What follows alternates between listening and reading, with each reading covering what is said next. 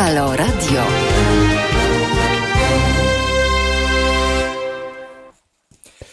Halo Radio, E, minęła godzina siódma, dokładnie 7.01. Właśnie już napisałem komentarz e, pierwszy. Dzień dobry. Dzień dobry, witam wszystkich serdecznie o poranku mm, do godziny 10. Wspólnie dziś będziemy mm, dyskutować i mm, rozmawiać przede wszystkim o tym, co się dzieje w naszej przestrzeni publicznej. A tam się rzeczywiście dzieje.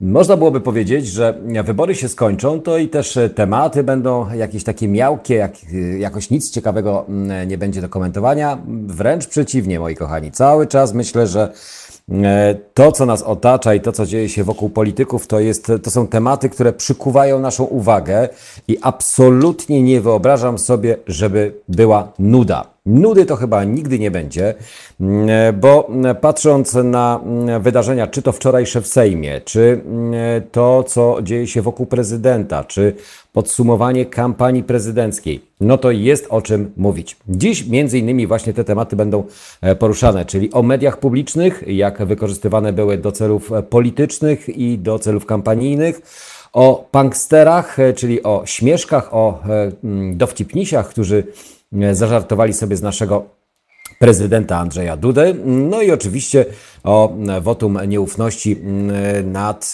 głowami dwóch ministrów, Ziobry i Kamińskiego. E, to wczorajsza debata, dyskusja, która, jeżeli skupiła Waszą uwagę, to na pewno zwróciliście na to, w jaki sposób opozycja atakowała, zasadnie, oczywiście zasadnie atakowała, a w jaki sposób rządzący bronili mm, poszczególnych ministrów, zachwalając ich, wychwalając, podając statystyki, różne dane, które miały tylko i wyłącznie uwiarygodnić opinii publicznej, społeczeństwu, że to są dobrzy ministrowie. Ale czy tak w rzeczywistości jest? Każdy ma swoje zdanie wyrobione na ten temat i myślę, że chyba mm, wątpliwości, jeżeli jako, jak, jakiekolwiek są, to po prostu je będziemy może starali się wspólnie rozwiewać. Mamy numer telefonu, mamy telefon, można do nas dzwonić, można do nas pisać, można również na, e, z nami czatować, czyli bezpośrednio mm, no, łączyć się za pomocą mediów społecznościowych mm, i e, komentować na bieżąco wszystkie wydarzenia. Jak to w każdy czwartek, e, rozpoczniemy dziś od prognozy pogody, czyli patrząc za oknami, co się dzieje, no to powiem Wam szczerze, że wczorajsza pogoda była rzeczywiście bardzo bardzo przyjemna, cieplutko 27 stopni. Jak wygląda sytuacja dziś po wczorajszych ostrzeżeniach? Mm, czwartek, 16 lipca, synoptycy Instytutu Meteorologii i Gospodarki Wodnej wydali alerty dotyczące burz i burz z gradem. Obowiązują one w 10 głównie północnych i wschodnich województwach. W czwartek największe rozpogodzenia zapowiadane są we wschodniej i południowej Polsce. Po południu jednak także w tych regionach pojawią się chmury z nad zachodu, które przyniosą więcej opadów deszczu, a lokalnie również burz. Dziś najniższa temperatura 19 stopni zapowiadana jest w województwach zachodniopomorskim, łódzkim, świętokrzyskim, małopolskim i śląskim. Jeden stopień więcej będzie w Gdańsku, 21 stopni prognozowanych jest w Olsztynie, Bydgoszczy, Poznaniu, Wrocławiu, Zielonej Górze, Opolu i Rzeszowie. W województwach mazowieckim i lubelskim przewidywane są 22 stopnie. Najwyższa temperatura czeka mieszkańców Podlasia. Tam będzie około 24 stopni. Duże rozpogodzenia od rana zapowiadane są głównie we wschodniej i południowej Polsce. Od zachodu zacznie pojawiać się więcej chmur, a wraz z nimi Opady deszczu. W pierwszej części dnia najbardziej intensywne opady prognozowane są dla województwa zachodniopomorskiego, pomorskiego i kujawsko-pomorskiego. W drugiej części dnia deszcz przewidywany jest już we wszystkich regionach. Dodatkowo na wschodzie, południu i południowym zachodzie pojawią się burze. Początkowo wiatr słaby, później umiarkowany.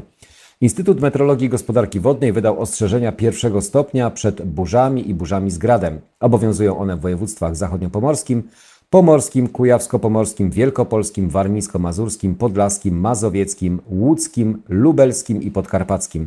Na tych obszarach podczas nawałnic może spaść do 10-20 litrów wody na metr kwadratowy. Wiatr może osiągnąć prędkość do 70-80 km na godzinę. To odnośnie pogody. E, oczywiście, jak to wiadomo, na, niepo, na pogodę, niepogodne albo jeszcze bardziej pogodne informacje, gdybyśmy zajrzeli do porannej prasy. A ja sobie wybieram tradycyjnie dwa e, tytuły, e, które przykuwają moją uwagę. Dzisiejszy fakt. Gazeta Codzienna. Rosyjska prowokacja prezydenta o krok od międzynarodowego skandalu. To chyba temat numer jeden, który dzisiaj będzie również dominował w naszych e, dyskusjach, jak to jest, że po prostu do prezydenta można sobie tak zadzwonić. Zadzwonić i sobie z nim porozmawiać. Czy ktoś chroni prezydenta? E, Marcin Kowalczyk komentuje, zastępca redaktora naczelnego komentuje mm, właśnie te wyda to wydarzenie. E, skandal zapewne jest, chociaż mm, jest cały, mm, cała transkrypcja tego tej rozmowy. E, można e, ją przeanalizować. Zresztą też się nad nią pochylimy. Zobaczymy, co prezydent ujawnia, a co prezydent e, komentuje i w jaki sposób. W to w dzisiejszym fakcie na pierwszej stronie mm, oczywiście zabrali seniorom e, bony turystyczne. E, fakt wyjaśnia, kto i kiedy skorzysta z wakacyjnego e, wsparcia. Bony turystyczne, które były zapowiadane. Część poprawek senackich została mm, przyjęta, ale te główne dotyczące właśnie zapowiedzi prezydenta Andrzeja mm, Dudy, że również może tym bonem turystycznym zostaną objęci seniorzy. Okazuje się, że niestety nie seniorzy nie skorzystają z takowego bonu. Najdłuższy spot Dudy to w Gazecie Wyborczej wiadomości TVP. Mm, e, te wybory wygrał Jacek Kurski, mówi Cezary Tomczyk, szef sztabu Rafała Trzaskowskiego i zapowiada złożenie protestu na wyborczą agitację na antenach telewizji polskiej. Przyjrzymy się, e, jak to wygląda z tą agitacją i z poszczególnymi jej elementami. Do dziś e, można składać protesty wyborcze, czyli do czwartku. Jeżeli takowe jeszcze się nie pojawiły, to pewno pojawią się. Pewno będziemy też o nich mówić, czy będą one miały wpływ na mm, e, ważność wyborów. Ja osobiście sądzę, że nie, ale są zdania, są podzielone, więc mm, to zostawiamy jako temat jeszcze otwarty, bo przecież decyzja nie jest w naszych rękach, tylko my możemy tutaj sugerować, czy ewentualnie wyciągać jakieś, mm, e, no może nie wnioski, no ale swoje własne opinie na ten temat. No i oczywiście temat dyplomatyka i żarty, czyli jak Rosjanie Dudę wkręcili. Kancelaria twierdzi, że sprawdzała, czy do prezydenta będzie telefonował sekretarz generalny ONZ. Niezbyt, jak widać, skutecznie Andrzej Duda w rzeczywistości rozmawiał z rosyjskimi z rosyjskim komikiem, a ja bym powiedział, że po prostu ze śmieszkami, czyli punksterami. To takie chyba nowe określenie. Podoba mi się ta nazwa punkster. Mm, to osoba mm, taka e, robiąca sobie no, żarty, żarciki. To tak chyba nasi również politycy, którzy e, w całkowicie w inny sposób, czyli w bardzo poważny, Mm, z taką poważną miną, też czasami sobie żartują, albo dość często sobie żartują, ale właśnie tylko i wyłącznie chyba z nas. To w dzisiejszych mm, gazetach, tytułach, które mm, są, y, myślę, że dla nas jakimś źródłem informacji, albo przynajmniej mogą być źródłem informacji, będziemy do nich oczywiście zaglądać. Cześć Sławku, witam Cię. E, e, Sławek przyłączył się do nas na mm, YouTubie. Pamiętajcie, my jesteśmy na YouTubie, jesteśmy na Mixcloudzie i jesteśmy również na Facebooku i tradycyjnie można również nas słuchać za pomocą aplikacji. Poranek w Halo Radio nie może mm, e, odbyć się bez porannej kawy, więc zachęcam do tego, aby łyk tej kawy mieć przygotowany skorzystać z możliwości mm, teraz chwili oddechu, zrobić sobie tą kawę, która będzie nas zapewne pobudzała i zostać razem ze mną i z Piotrem, bo Piotr dziś realizuje mm, poranek do godziny 10 rano. O godzinie 9.15 9.15, nie, 8.15, 9.15, ach, ten czas po prostu normalnie e, zawsze gdzieś nam te, te godzinki umykają. 8.15, 9.15 połączymy się z naszym korespondentem z Nadsekwany, Zbigniewem Stefanikiem, z którym oczywiście porozmawiamy o kurzu e, powyborczym, który może już powinien opaść, ale jeszcze nie opadł. No bo jakżeżby mógł opaść, skoro jeszcze rozliczenia nie nastąpiły. A czas na rozliczenia zapewne też będzie. Jak będzie wyglądała kondycja Platformy Obywatelskiej, kto będzie u jej steru, kto będzie nią e, kierował, czy to będzie nadal Borys Budka, czy może wróci Grzegorz Schetyna, albo Rafał Trzaskowski, który będzie dzielił swoją no, pozycję i będzie dzielił swoje stanowisko w ratuszu, może na pół z prowadzeniem nowego powiewu, nowej świeżości, wprowadzi nową świeżość w działania opozycyjne. No nie wiem, zobaczymy.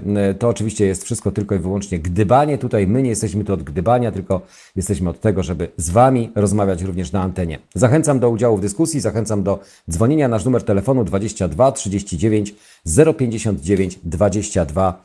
Jacek Zimnik do godziny 10 rano. Słuchajcie powtórki programu.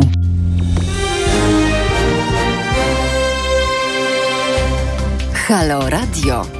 Gadamy i trochę gramy.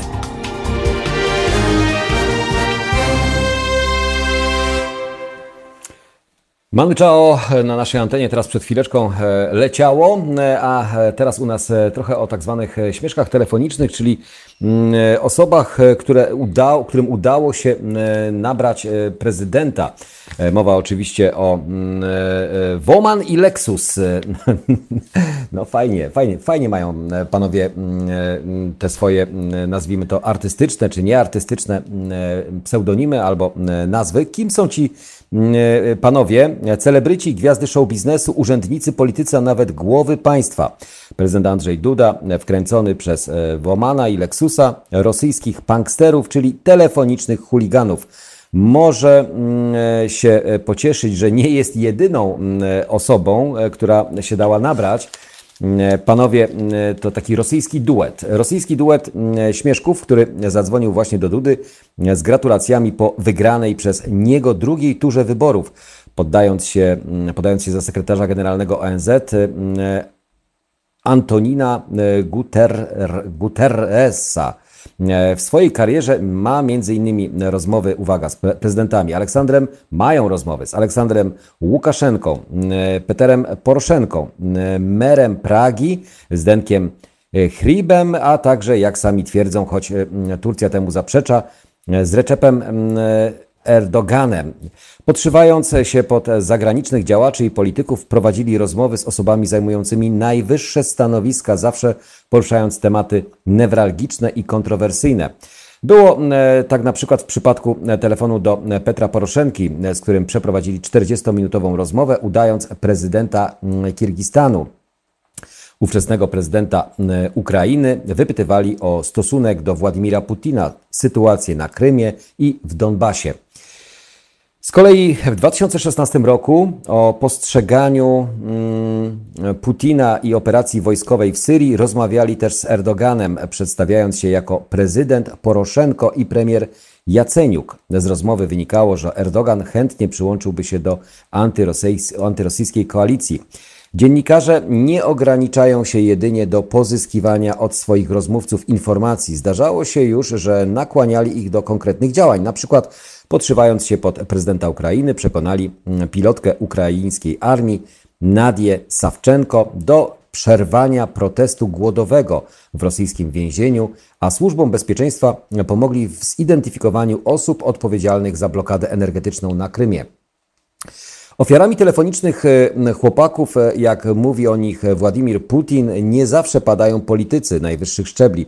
Kawały robili też aktywistce klimatycznej Grecie Thunberg czy piosenkarzom Billie Ellis i Eltonowi Johnowi. Do tego ostatniego zadzwonili pięć lat temu w imieniu prezydenta Rosji i jego sekretarza prasowego Dimitrija Pieskowa, by podyskutować na temat sytuacji społeczności LGBT w Rosji. Punksterzy e, pofolgowali sobie do tego stopnia, że Putin rzeczywiście zmuszony był do wykonania telefonu do Eltona Johna, e, by najmniej mm, nie w celu e, dyskutowania na temat dyskryminacji rosyjskich gejów, ale by przeprosić. Chłopcy są e, nieszkodliwi, co ich oczywiście nie usprawiedliwia. Proszę nie żywić złych uczuć, mówił wówczas Władimir Putin. Woman i Lexus, czyli Władimir Kuzniecow i Aleksiej e, Sto, e, Stoliarow mają po 30 kilka lat. Mieszkają w Moskwie. Pranksterskim e, dziennikarstwem zajmują się od ponad dekady. Obaj zaczynali publikując głównie na łamach stołecznych tabloidów i w internecie. Ich psikusy miały na tyle dużą widownię, że duet doczekał się nawet własnych programów. Najpierw nadawali na antenie radia mm, Komsomolskaja Prawda, później otrzymali program Zwonok emitowany przez kremlowski kanał NTV, który znany jest z szerzenia putinowskiej propagandy i atakowania opozycji. Jak sami podkreślają, e, cele swoich żartów wybierają zgodnie z zasadą nie wyrządzaj szkody swoim, nie wyrządzaj szkody swojej ojczyźnie. Ale biorąc e, pod uwagę ich ofiary i sposób e, prowadzenia rozmów, kierują się raczej zasadą nie szkodź Kremlowi. Prost, Poskultu, mm, poskutkowało to oskarżeniami, oczywiście, że Woman i Lexus współpracują z rosyjskimi służbami bezpieczeństwa a kontakty do polityków i konkretne zamówienia otrzymują właśnie bezpośrednio od Federacji Federalnej Służby Bezpieczeństwa, następczyni sowieckiego KGB. Na celowniku e, biorą bowiem najczęściej zagranicznych polityków albo rosyjską opozycję. Było to szczególnie widoczne kilka lat temu podczas rozmów komików z Borysem Bierezowskim, rosyjskim antyputinowskim oligarchą mieszkającym w Londynie w trakcie masowych protestów opozycji na placu Błotnym w Moskwie. Lexus próbował ośmieszyć w nich opozycję. W swojej książce Punkster napisał później: Na szczęście liberałom się nie udało przejąć władzy. Dziennikarze oczywiście zaprzeczają powiązaniu ze służbami bezpieczeństwa.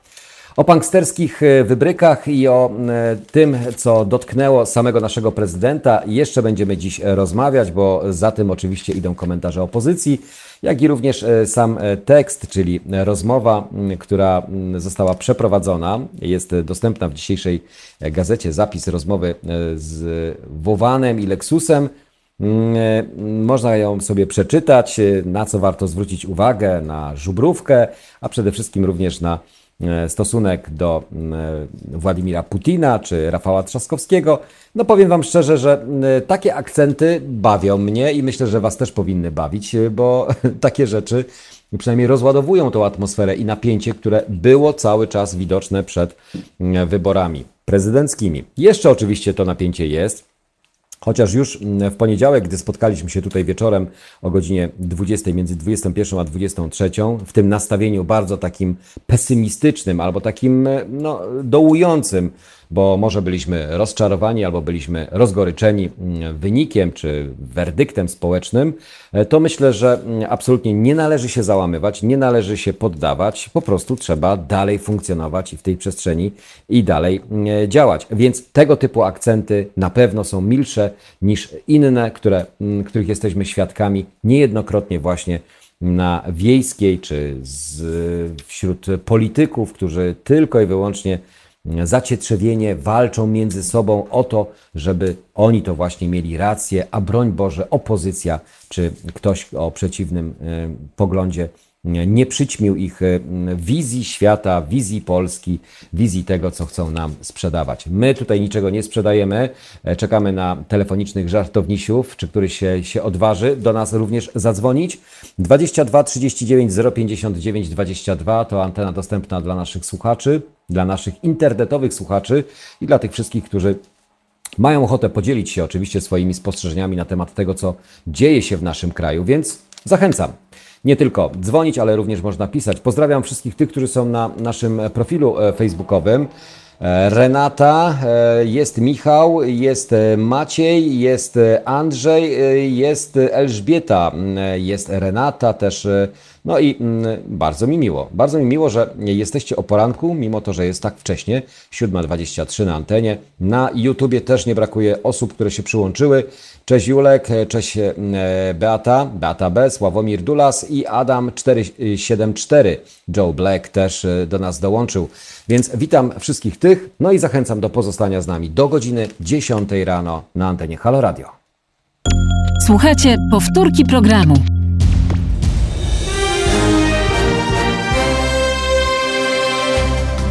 Halo Radio. Pierwsze medium obywatelskie.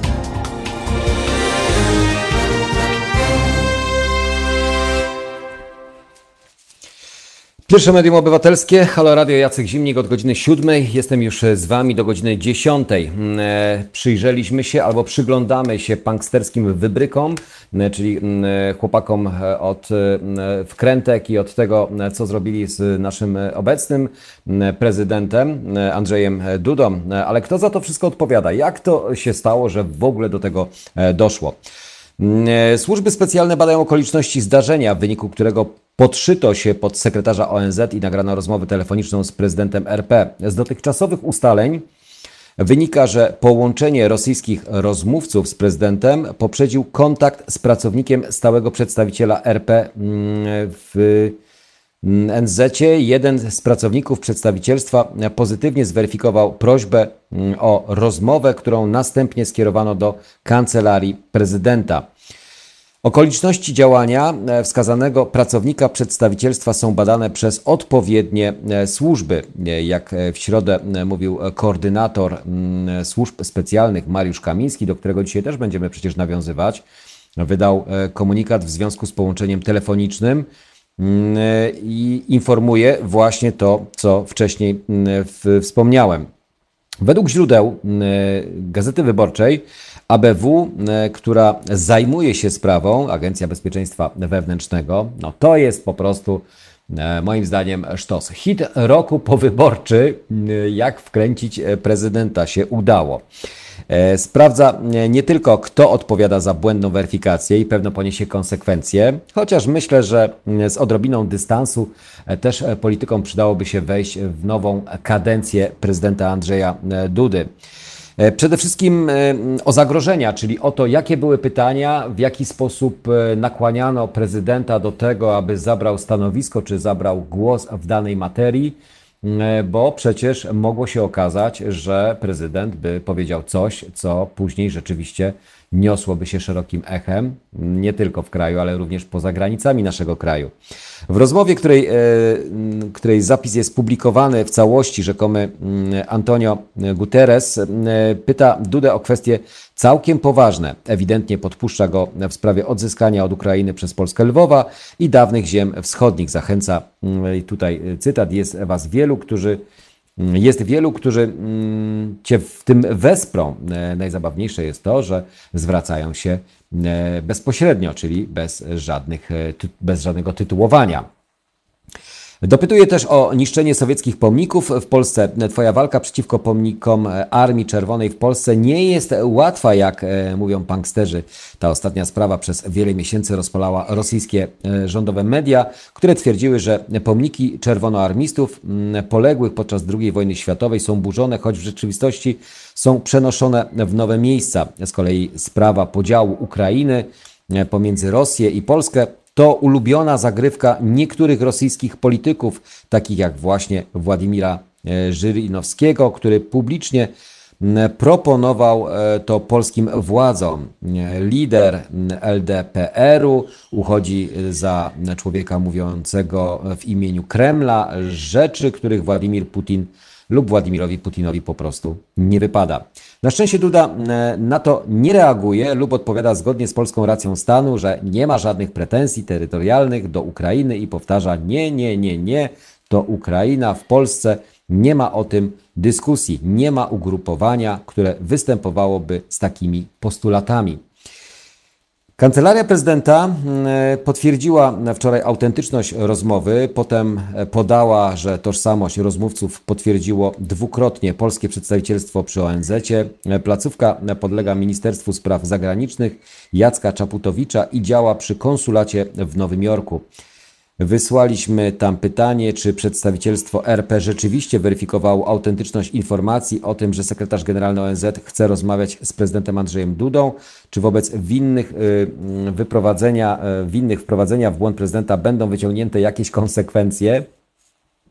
Jak doszło do tej sytuacji? Kto popełnił y, błąd? Resort Czaputowicza odpisał następująco. Informujemy, że poniższa sprawa jest aktualnie weryfikowana nie przez odpowiednie służby państwowe. Na tym etapie Ministerstwo Spraw Zagranicznych nie komentuje szczegółów sprawy. No bo cóż ma komentować?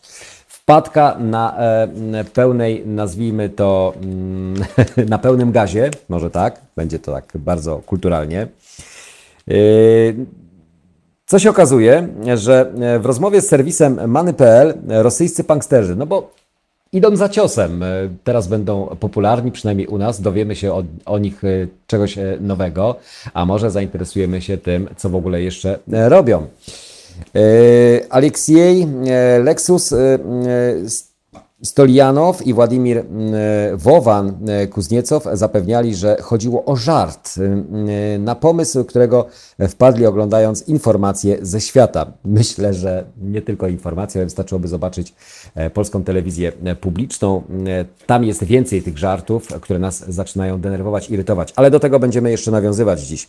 E, to pomysł, skąd im, się, skąd im przyszedł do głowy. A pytanie, e, to żart na pomysł, którego e, wpadli oglądając informacje ze świata, a pytanie o pomniki czy Lwów po prostu interesują Rosjan. A musimy pochwalić tu otoczenie prezydenta Dudy, bo nie poszło tak e, łatwo. No, to panie Czaputowicz albo panie Kamiński. Jak widać, chwalą was nawet punksterzy. Posłowie opozycji niestety tego nie czynią, co było wczoraj widoczne. Y, znaczenie, y, znacznie prościej było wkręcić Emmanuela Macrona czy Borysa Johnsona, stwierdzili. Nieco inaczej mówią o w mediach rosyjskich. Duda do końca był przekonany, że rozmawia z sekretarzem generalnym ONZ. Podkreślał Kuzniecow w agencji prasowej RIA Nowosti. Oni prowadzą śledztwo, jak zwyczajnym ludziom udało się dodzwonić do głowy państwa. Niech do nas zadzwonią, o wszystkim y, opowiemy, mówią punksterzy którzy obecnie chyba zasłynęli i są numerem jeden we wszystkich mediach i na wszystkich portalach internetowych. No to w takim bądź razie, skoro żarty żartami, my żartować tutaj też nie będziemy. Do tego tekstu jeszcze powrócimy, do zapisu rozmowy z Wowanem i e, Lexusem. Mm, który wkręcił obecnego prezydenta. A ja Was zachęcam oczywiście do punksterowania u nas na naszej antenie. My sobie możemy pożartować, bo e, co, cóż nam innego pozostało w obecnej sytuacji. 22 39 059 22, nasz numer telefonu. Mm, e,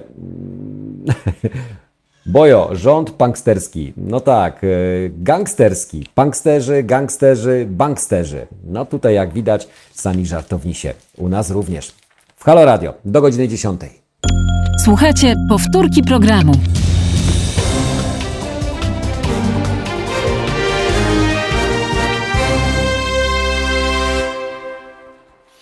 Wracamy do e, naszych e, słuchaczy i internetowych e, widzów. Przypominam, że jesteśmy dostępni nie tylko na YouTubie i na Facebooku, ale również na Mixcloudzie. To e, niedawno dodane narzędzie, e, z którego możecie korzystać tam e, i nas widać, i nas słychać, ale też słychać to, co jest pomiędzy tymi elementami mówionymi, czyli muzyka. Muzyka, bo Mixcloud to, jak wiadomo, narzędzie do mm, odtwarzania też muzyki, do oferowania muzyki, ale też, jak widać, do streamowania. Im więcej narzędzi, tym większy nasz, mam nadzieję, będzie odbiór albo większe dotarcie, bo chyba o to chodzi, żebyśmy jednak jako wolne media mieli ten głos coraz głośniejszy albo coraz bardziej dostępny. E, korzystacie również z aplikacji, jadąc gdzieś e, autobusem, tramwajem, czy nawet jadąc samochodem, mając słuchawki czy zestaw głośno mówiący, to też możecie korzystać za pomocą internetu, bo przecież internet teraz powszechny, wszędzie jest dostępny, więc można nas swobodnie słuchać. Można też do nas dzwonić e, z telefonów, oczywiście 22 39 059 22. Można nas też wspierać, e, aby nasza działalność się e, rozwijała i można wspierać również nasze akcje, które służą świadomości albo uświadamianiu obywateli o tym, że dzieje się źle w naszym państwie albo pieniądze są źle pożytkowane, bo wydawanie na e, kościół, na instytucje e, przeogromnych pieniędzy, a wiedza jakby nasza jest tylko i wyłącznie śladowa, chociaż na naszej antenie, na naszych antenach nasi dziennikarze to rozkładają na czynniki pierwsze. Warto przypominać i warto uświadamiać innych. Tak samo jak apelowaliśmy o tą świadomość i o to, żeby zachęcać do wyborów. Udało się oczywiście, bo kto zwyciężył? Zwyciężył obywatel. Nieważne po której stronie, czy po jednej, czy po drugiej, ale to, że poszedł, zmobilizował się, to jest jedyny sukces, który możemy e, uznać rzeczywiście chyba bezapelacyjnie. Frekwencja była zaiste godna i zacna i tak wyobrażam sobie, że taka aktywność wtedy jest odzwierciedleniem tego, co społeczeństwo chce. Nie zawsze musimy się zgadzać z wyborem społecznym albo z tą niewielką różnicą, która dzieliła jednego kandydata od drugiego kandydata, ale musimy to przyjąć. Chociaż, jak wiadomo, nie wszyscy chcą to przyjąć do wiadomości i nie wszyscy chcą się z tym pogodzić i będą wnioskować o to, aby wybory były unieważnione. No to mowa oczywiście o wnioskach, które do dziś można składać. Wnioski dotyczące sprzeciwów wyborczych. No i teraz zastanawiając się nad tym, czy rzeczywiście mają one jakąkolwiek rację bytu, rzekłbym, że budzą nie tyle one moją wątpliwość, bo wątpliwość zapewne budzą wielu osób, bo sprawa głosów oddawanych poza granicami, nieważnych głosów, te liczby są rzeczywiście przerażające ale jak e, zapewniają przedstawiciele Państwowej Komisji Wyborczej, czy byli przedstawiciele, e, szefowie Państwowej Komisji Wyborczej, e, to są liczby, które z jednej strony nie rzutują albo nie są aż tak mocno wpływające, ale okej, okay, od tego są instytucje, które mają to rozstrzygnąć, ale te instytucje już są podporządkowane albo są w rękach władzy, która ma władzę prawie, rzekłbym, absolutną. Jedyny Senat, który jeszcze może spowalniać tylko i wyłącznie prace legislacyjne parlamentu, bo prezydent, no cóż, prezydent jakiego mamy, takiego wybrali obywatele. Nie mówię, że my, tylko obywatele wybrali takiego właśnie prezydenta. Ale chciałbym jeszcze na chwileczkę powrócić do e, tych wydarzeń e, śmieszkowych, e, bo tak jak Piotr mi zwrócił uwagę, ja mówię punksterzy, nie od punków, ale pranksterzy, od dowcipnisi, żeby było precyzyjnie. No, poranek, jak widać, zmusza nas czasami do E, małych potknięć, przyznaję się, ja potrafię. Politycy niekoniecznie. Okazuje się, że e, osoba, która dzwoni do pana prezydenta i sekretarza, e, sekretarza ją łączy z panem prezydentem, powinna być autoryzowana. Polega, polega to mniej więcej na tym, że jeśli ktoś chce zadzwonić z innego państwa, to służby dyplomatyczne dogadują się między sobą, ustalają o której godzinie będzie taki telefon i taki telefon staje, zostaje wykonany twierdzi Jerzy Dziewulski, doradca prezydenta. No ale okazuje się, że można to ominąć. Można to umiejętnie i skutecznie ominąć i po prostu jakoś e, z tym sobie e, poradzić e, bez żadnego problemu. Z zapisu rozmowy, który jest publikowany, co można wywnioskować? Czytając i analizując sobie ten tekst, przede wszystkim swobodną wypowiedź, swobodny kontakt z panem prezydentem, chociaż mm, to e, ci panowie e, na ty przechodzą. Mm, pan prezydent jednak jest nieco chłodniejszy. E, na pierwsze pytanie, gdzie jesteś teraz? Prezydent odpowiada, w centralnej Polsce podróżuje. Pytający pranksterzy, jak sobie poradziliście z koronawirusem? Prezydent odpowiada, koronawirus jest w Polsce pod kontrolą. Sytuacja nie jest zła, jest całkiem dobrze. Nie wiem skąd u prezydenta ten optymizm, taki, że jest dobrze patrząc na dane E, i publikowane z ministerstwa codziennie informacje. E, pranksterzy, bo tak będę ich nazywał, e, pytają: Mam nadzieję, że mm, nie miało to wpływu na wasze wybory, prezydent. Na wybory nie. Nie miało żadnego wpływu, nie było niebezpieczeństwa dla wyborów. Pranksterzy, wiemy, że mm, u waszego sąsiada Ukrainy sytuacja wciąż jest naprawdę mm, okropna. Prezydent, tak, e, tam jest ciężko. Wiemy o tym. W Polsce mieliśmy tylko 38 tysięcy przypadków zachorowań. Tylko.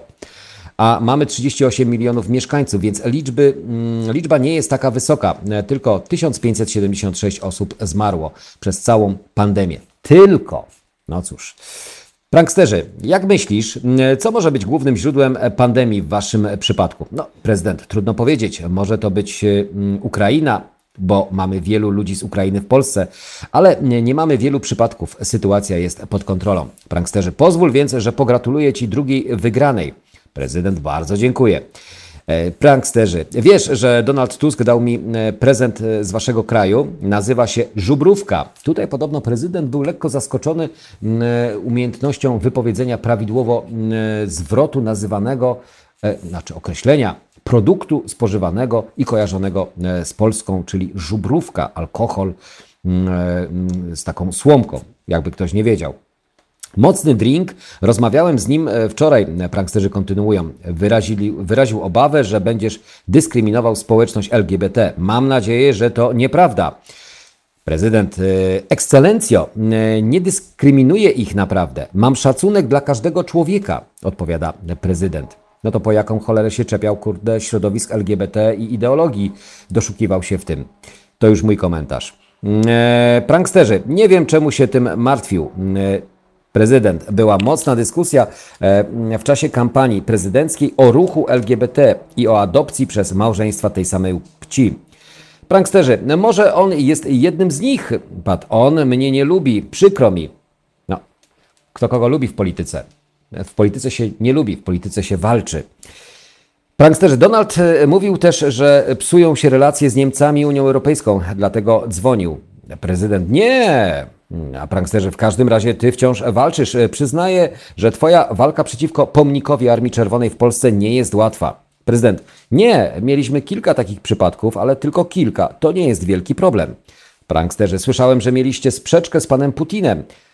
Prezydent, mieliśmy dyskusję o historii, oskarżył nas, że to my rozpoczęliśmy II wojnę światową. Pranksterzy, ale powinieneś wiedzieć, że Rosja miała znaczny udział w jej wygraniu. Prezydent, tak, wiem, że tak wiem, to dobrze, ale okupowali później nasz kraj po wojnie. Pranksterzy, to dobry pomysł, żeby walczyć z pomnikami? Tak samo sprawę z Lwowem i innymi miastami? Prezydent, to różnica w zrozumieniu historii. Rosjanie uważają, że to był prezent, a my uważamy to za okupację. I tutaj śmiech prezydenta. No i znów żartownisie. Więc nie chcesz odebrać tych ukraińskich terenów z powrotem? Jest wielu ludzi, którzy cię w tym wesprą. Na Ukrainie? Pyta prezydent. Tak, chodzi o Lwów i inne takie. Nie, nie, to Ukraina. Okej, okay, mówią żartownisie. Martwi mnie to.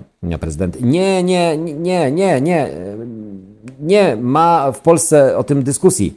Teraz to część Ukrainy i koniec. Nie, nie, nie, nie, nie. To nie jest przedmiotem dyskusji. Nie rozmawiamy o tym w Polsce. W Polsce nie ma ugrupowania, które występowałoby z takim postulatem.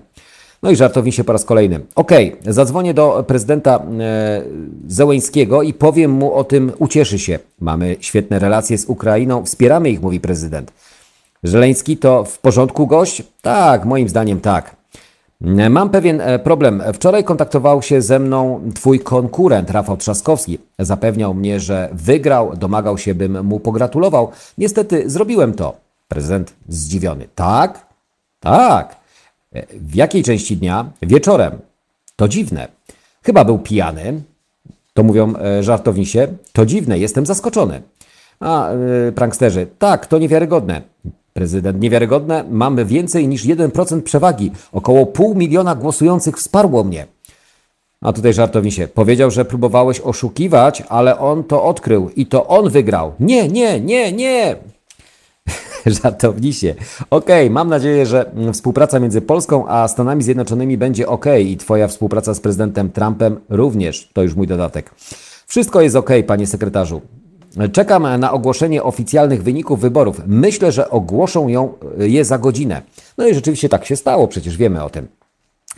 No i mm, e, żartownisie, gratulował Ci już prezydent Trump?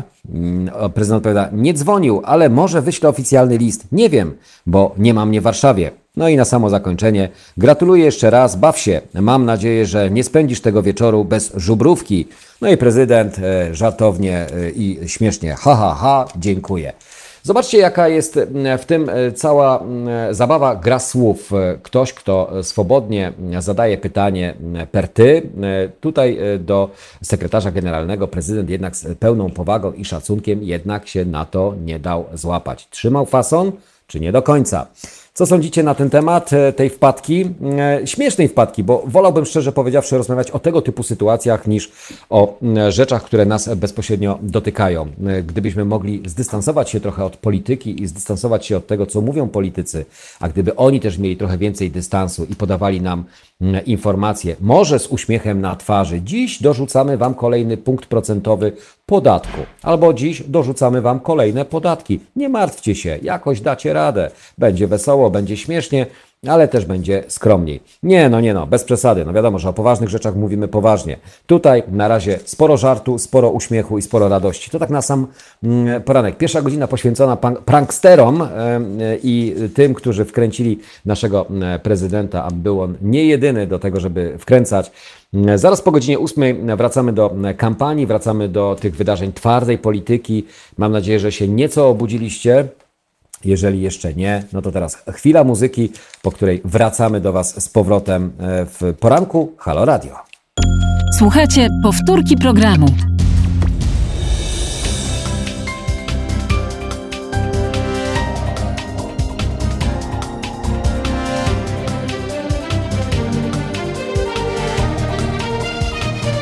Halo Radio. Halo Radio 802. E, wracamy do naszych komentarzy i do Waszych opinii na temat tego, co dzieje się e, u nas e, w kraju, a zazwyczaj dzieje się dużo. Ten, kto nie śledził, a ten, kto nie oglądał, a wie, no to niech się teraz dowie. Wczoraj Sejm odrzucił wniosek o wotum nieufności wobec ministra sprawiedliwości Zbigniewa Ziobry i szefa MSWiA Mariusza Kamińskiego. W trakcie debaty oczywiście opozycja przypomniała m.in. sprawę organizacji majowych wyborów, czy patrolowanie przez policję okolic domu Jarosława Kaczyńskiego. Tutaj cytacik. Pan jest bezradny wobec tego bagna, które odbywa się w pańskim rządzie, mówił do Kamińskiego Bartłomiej Sienkiewicz.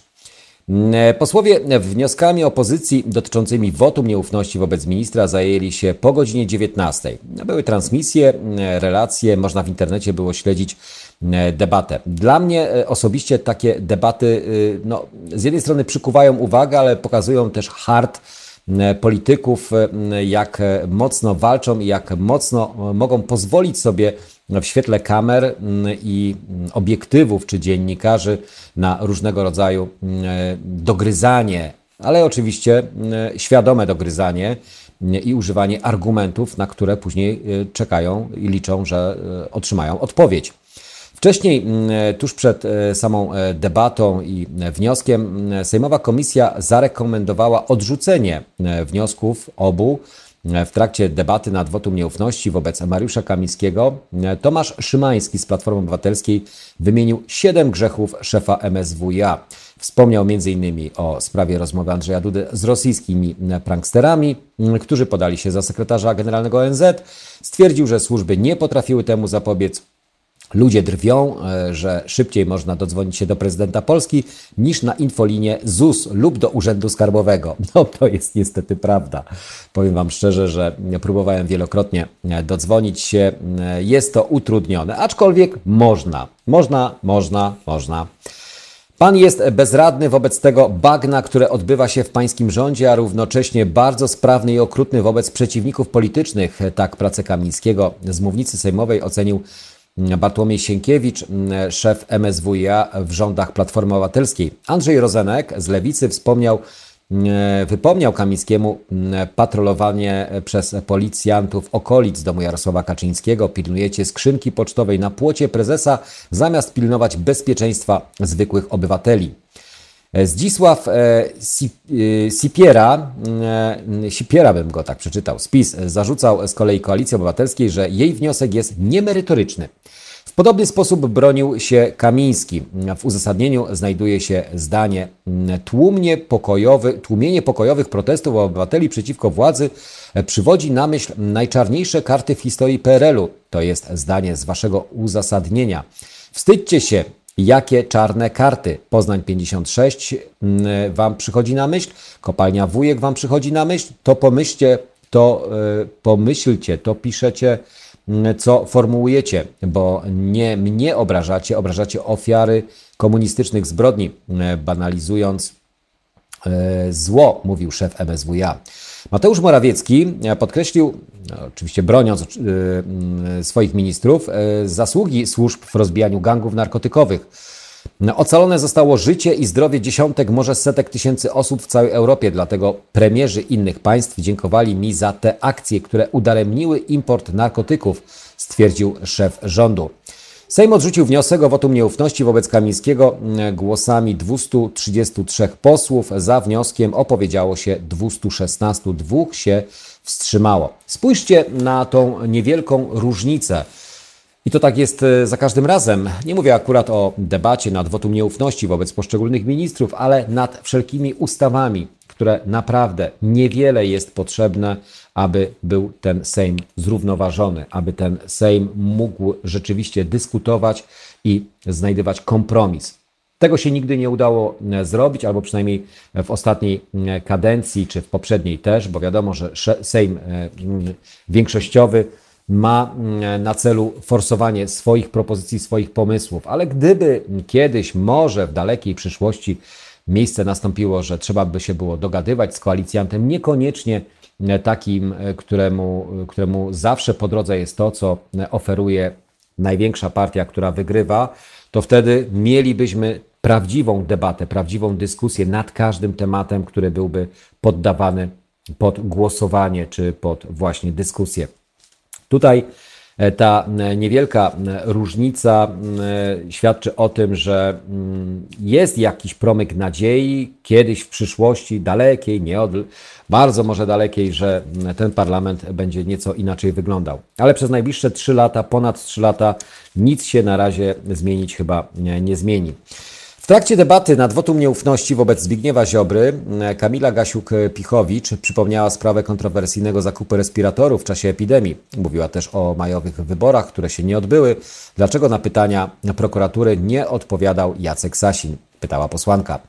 Piotr Sak z PiS bronił Kamińskiego i Ziobry. Należy się dziwić poczynaniom opozycji, która na swoje celowniki wybiera członków Rady Ministrów, którzy mają osiągnięcia i sukcesy powiedział poseł. Jak dodał, ministrowie to ludzie tytanicznej pracy. Siła państwa argumentów jest porównywalna do zdolności bojowej plastikowych żołnierzyków, mówił Sak. Joanna Szejrung-Wielgus w swoim wystąpieniu wróciła do sprawy głośnego ułaskawienia przez Andrzeja Dudę mężczyzny, który był skazany za przestępstwa seksualne wobec swojej córki. Później te zarzuty odpierał Zbigniew Ziobro. Minister sprawiedliwości podkreślał, że skazany mężczyzna odsiedział wyrok, a jego ofiary same chciały ułaskawienia, by móc się z nim widywać. Przeciwko wnioskowi o wotum nieufności wobec Ziobry było 232 posłów, 217 za, dwóch się wstrzymało. No i tak wyglądał wczorajszy wieczór w, w kontekście oczywiście debaty. Takich debat zapewne będziemy mieli jeszcze wiele, budzących wątpliwość opozycji. No a skoro mówimy o opozycji, to co w tej opozycji takiego ciekawego się dzieje? Myślę, że na razie opozycja zbiera się po wydarzeniach związanych z wyborami prezydenckimi. E, jest plan, aby podziękować prezydentowi stolicy i kandydatowi na fotel prezydenta nie tylko samemu, czyli Rafałowi Trzaskowskiemu. Rafał i Małgorzata Trzaskowscy mają wielkie zaufanie ludzi mówi jedna z organizatorek wydarzenia. Podziękujmy Gosi i Rafałowi Trzaskowskiemu.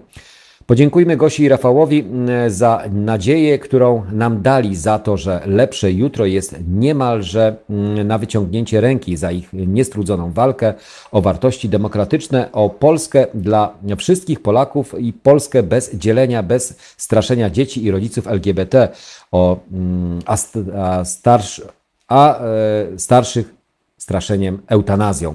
Całym sercem jesteśmy z Wami, całym sercem dziękujemy za tę prawdziwe, mm, prawdziwą europejską narrację. Poczekamy, piszą organizatorki wydarzenia. Podziękujmy Gosi i Rafałowi. Swój udział zorganizowany oczywiście na profilu e, facebookowym zapowiedział m.in. Tytus Hołdys, artysta, twórca projektu Winylo mm, Kino. Jego ojciec Zbigniew, e, jak i również wielu artystów zaangażowało się w kampanię prezydencką Rafała Trzaskowskiego. Trzeba tam być, e, piszą sympatycy prezydenta Warszawy. Na Facebooku swój udział w wydarzeniu deklaruje blisko 10 tysięcy osób. Początkowo wydarzenie planowano na najbliższą sobotę, ale mm, jest zmiana planów. Spotkanie odbędzie się Tydzień później, w niedzielę 26 lipca o godzinie 18, już po ogłoszeniu terminu, dowiedzieliśmy się, że Rafał Trzaskowski razem z małżonką Małgorzatą bardzo chcą się mm, z nami zobaczyć, z organizatorami. Dlatego zdecydowaliśmy się na zmianę daty. Słyszy się od organizatorek spotkania. Nie jest znane miejsce spotkania, ale najprawdopodobniej będą to bulwary nad Wisłą. Zainteresowanie przeszło na nasze najśmielsze oczekiwania. Piszą do nas ludzie z całej Polski, którzy czują to, co my. Mówi Magdalena, która razem z Dominiką i Joanną organizują wydarzenie. Dziewczyny zapowiadają, że podczas spotkania rozłożone zostaną wielkie płachty, na których każdy będzie mógł napisać, o jakiej Polsce marzy i na jaką Polskę czeka. Podarujmy je Gosi Rafałowi Trzaskowskiemu, a zdjęcie tych naszych, tych marzeń wyślemy do prezydenta Andrzeja Dudy, mówi organizatorka wydarzenia. No, pytanie, mm, o jakiej Polsce marzymy i na jaką Polskę czekamy? Dobre pytania. Marzenia są po to, by marzyć, ale marzenia są też po to, żeby je realizować. Te małe i te duże. Najpierw zacznijmy od tych małych, a skończymy może na tych dużych. Tu nie chodzi o to, żeby cały czas gonić króliczka, czyli gonić marzenia, tylko żeby go w końcu złapać, bo tak to możemy gonić go przez całe życie i go dogonić nigdy nie dogonimy. Są różne teorie i są różne podejścia do tych spraw, że ktoś mówi, że właśnie napędza mnie to, że ja cały czas gonię, że e, mm, jestem pełn, cały czas w ruchu za czymś, ale ja bym chciał osobiście, żeby ten ruch nie był już tak szybki, a żebyśmy mogli swobodnie i spokojnie rozwijać się wewnętrznie i dzielić się tym na zewnątrz. Co do spotkania e, organizatorek e, z parą, e, z parą prezydencką stolicy, ale również z parą, która mogła wywrócić, nazwijmy to, obecnie rządzących, w sensie wywrócić e, wydarzenia te polityczne przed wyborami prezydenckimi. E, jeśli ktoś ma ochotę, no to oczywiście mm, informacje na Facebooku będzie można znaleźć. E, ochoty na pewno Rafał Trzaskowski nie ma na spotkanie z obecnym prezydentem. Nie wiem dlaczego. Powinien się spotkać. W końcu konkurent polityczny to nie znaczy, że wróg polityczny, bo chodzi o to, żeby poznać wroga, żeby go móc później ewentualnie pokonać. Mądry ktoś tak kiedyś powiedział. Już za chwilę 8.13, e, więc za chwilę łączymy się z naszym korespondentem Zbigniewem Stefanikiem. Porozmawiamy sobie o polityce i to, co dzieje się wokół polityki i co dotyczy samych polityków. Słuchajcie powtórki programu.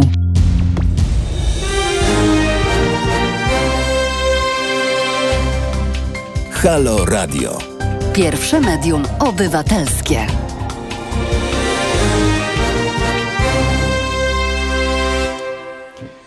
Pierwsze Medium Obywatelskie, Halo Radio, Jacek Zimnik e, do godziny 10 od 7 rano. E, w każdy czwartek e, zawsze Was raczę swoimi tutaj, swoją obecnością, czasami w studiu, czasami w domu.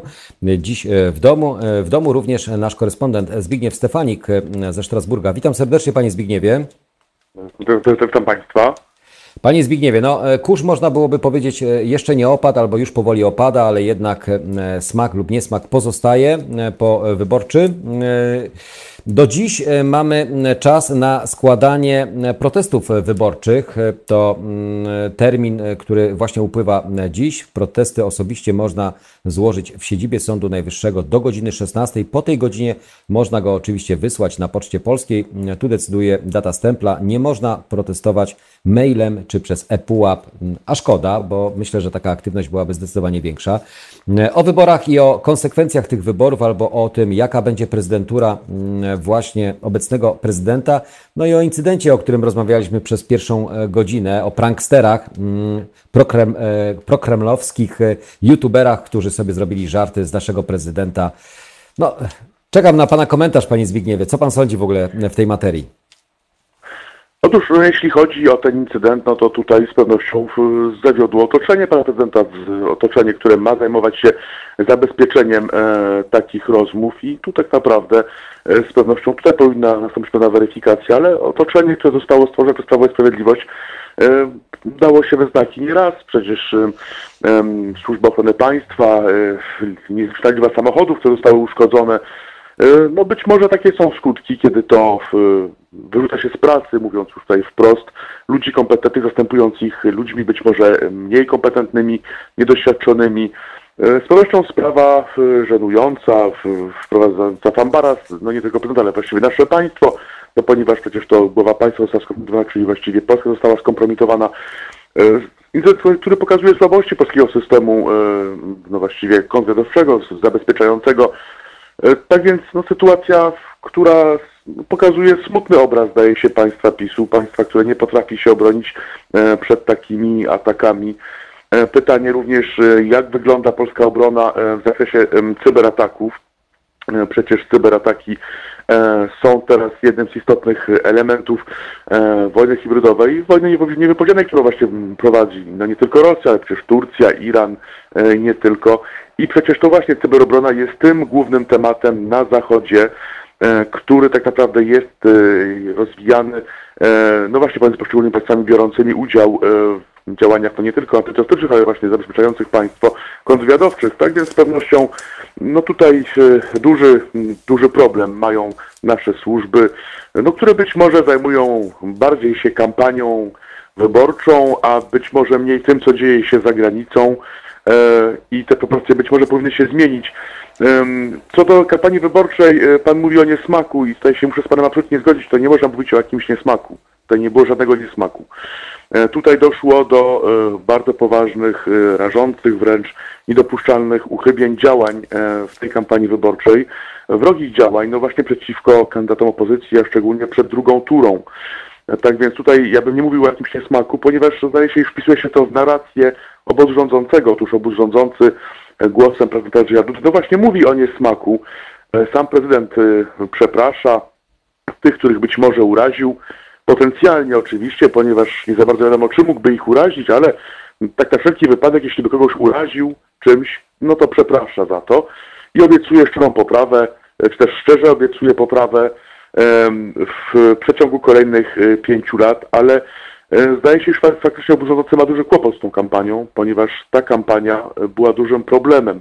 I właśnie o tym chciałem mówić dzisiaj, o tej kampanii. E, Ponieważ, Szanowni Państwo, no w tej kampanii doszło do e, rażących działań instytucji państwa. Tak naprawdę państwo e, skoncentrowało się na tym, aby robić kampanię jednemu kandydatowi. Do tej kampanii no, niszczenia kandydatów opozycji, jak i również no, kampanii ataków w drugiej turze na opozycję, na kandydatów opozycji zostały włączone media publiczne, inne instytucje państwowe. Tutaj incydent związany z Rządowym Centrum Bezpieczeństwa. E, I to tylko jeden tak naprawdę przykład tego, e, co działo się w tej kampanii wyborczej. E, Osobiście apelowałem również na Państwa antenie, ponieważ nie mówię również, ponieważ nie tylko u Państwa, ale apelowałem w, w polskich mediach, aby to organizacje dziennikarskie, które są przecież do tego powołane, zajęły się tym, czym była kampania wyborcza w Polsce, aby te organizacje, które przecież są e, członkami, należą do organizacji europejskich, dziennikarskich organizacji europejskich, e, sporządziły e, raport dotyczący tej kampanii, jak i również e, no, rzeczy niedopuszczalnych, czyli jak zachowało się TVP na przykład tej kampanii. Dlaczego nie doszło do, do debaty pomiędzy kandydatami? Co zrobiło TVP, aby do tej debaty no właśnie nie doszło? E, Jak zachowały się inne instytucje? No i to na pewno został, zdaje się, bez echa. E, Tak więc e, skoro instytucje powołane do tego nie są zainteresowane, zdaje się, e, prowadzeniem tej rozmowy o kampanii, a jest to przecież rozmowa o stanie naszego państwa, o tym, czym jest demokracja w naszym państwie, e, o tym wreszcie, e, gdzie jest rola mediów, bo przecież toczą się jakieś rozmowy zakulisowe, o których właściwie nie wiemy niewiele, dotyczące no właśnie mediów niezależnych, czy tego, co może spotkać media niezależne za czas jakich, nam już Zbigniew Ziobro Ale panie Zbigniewie, bo pan mówi o mediach publicznych i m, jakby m, fakcie, który jest powszechnie znany i powszechnie komentowany. Pan mówi o apelu do środowisk dziennikarskich, do stowarzyszeń, które legalnie e, no, funkcjonują e, w naszym kraju, które powinny zabrać e, głos, ale ten głos, nawet jeżeli jest zabierany, ten głos jest niesłyszany albo e, nie jest e, no, mm, przez rządzących w jakikolwiek sposób brany pod uwagę. I e, pytanie, czy tego typu apele uświadamiające mm, środowiska czy społeczeństwo są skuteczne, albo czy one w ogóle mm, mają jakąś siłę rażenia? One są przede wszystkim konieczne, ponieważ Polska jest częścią organizacji międzynarodowych Unii Europejskiej. E, Nie tylko Polska należy do Rady Europy e, i tak naprawdę jest zobowiązana zagwarantować swoim obywatelom prawa obowiązujące w Unii Europejskiej. E, Obywatele polscy, jako obywatele Unii Europejskiej, mają prawo do uczciwej kampanii wyborczej. Obywatele europejscy mają prawo do debaty przed drugą turą wyborów prezydenckich. E, Obywatele polscy mają e, prawo do tego, ażeby państwo e, nie ingerowało w, w kampanię wyborczą, nie wykorzystywało instytucji do tego, aby robić kampanię demokratowi. Jeszcze obywatele polscy mają prawo do tego, aby nimi nie manipulowano. Mają oni prawo do prawdziwej informacji, nie do propagandy. Tak więc, Szanowni Państwo, ponieważ organizacje dziennikarskie w Polsce nie są zainteresowane takim raportem, postanowiłem ja osobiście podjąć taką inicjatywę, postanowiłem e, stworzyć tak naprawdę e, grupę, która zajmie się e, raportem o kampanii wyborczej e, w Polsce. E, Tak więc apeluję do wszystkich e, dziennikarzy, niezależnie od tego, e, dla jakiej pracują redakcji, e, od prawa do lewa, e, aby skontaktowali się ze mną i właśnie e, wsparli tą inicjatywę, czyli stworzenia takiego raportu e, o tym, jak e, przeprowadzono kampanię wyborczą w Polsce, e, jak państwo w tą kampanię ingerowało, jakie były poszczególne działania. To nie chodzi tylko o TVP, chodzi o mm, poszczególne instytucje, które właściwie kamyk do kamyczka e, składają się na em, całokształt, na obraz tej kampanii. Jest to konieczne, ponieważ e, sytuacja, gdzie państwo ingeruje w kampanię wyborczą, gdzie państwo tak naprawdę promuje jednego kandydata, no jest państwem niedemokratycznym E, i to będzie miało konsekwencje e, w przyszłości. Tak naprawdę przesuwamy po raz kolejny e, granice. E, Ta granica musi być postawiona i zdaje się, że taki raport e, jest konieczny.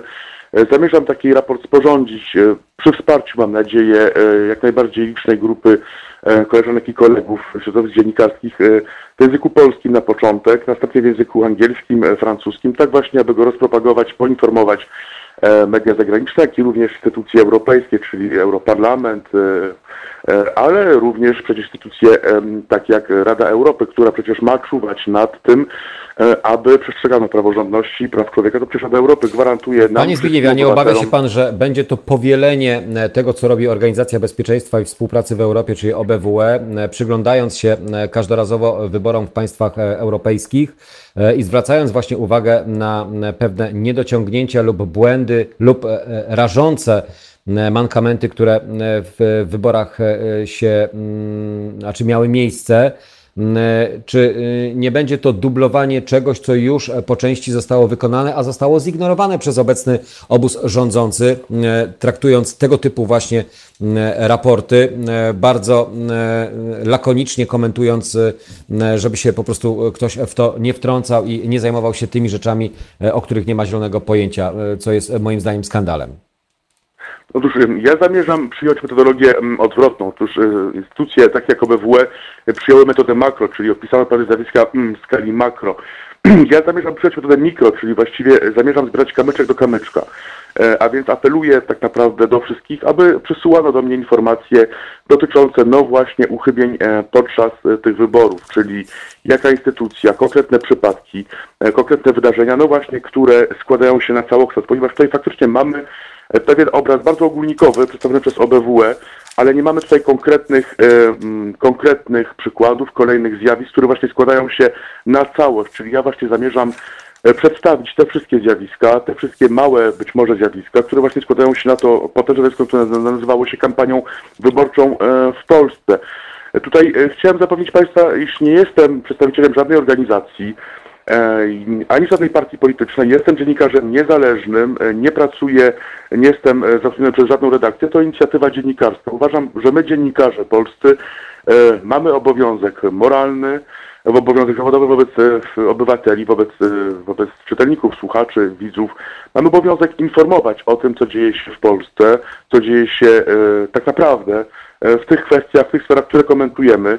E, I w mojej opinii, skoro, e, powtarzam raz jeszcze, organizacje dziennikarskie nie są zainteresowane, e, no właśnie, monitoringiem e, wolności dziennikarzy, nie są zainteresowane tym, jak no, niektórzy dziennikarze e, no, prowadzili tak naprawdę kampanię wyborczą, e, skoro nie są zainteresowani tym, iż zabrakło tej e, wolności słowa, e, no to myślę, że to my, dziennikarze, musimy przejąć inicjatywę. To my musimy zacząć działać w tej materii.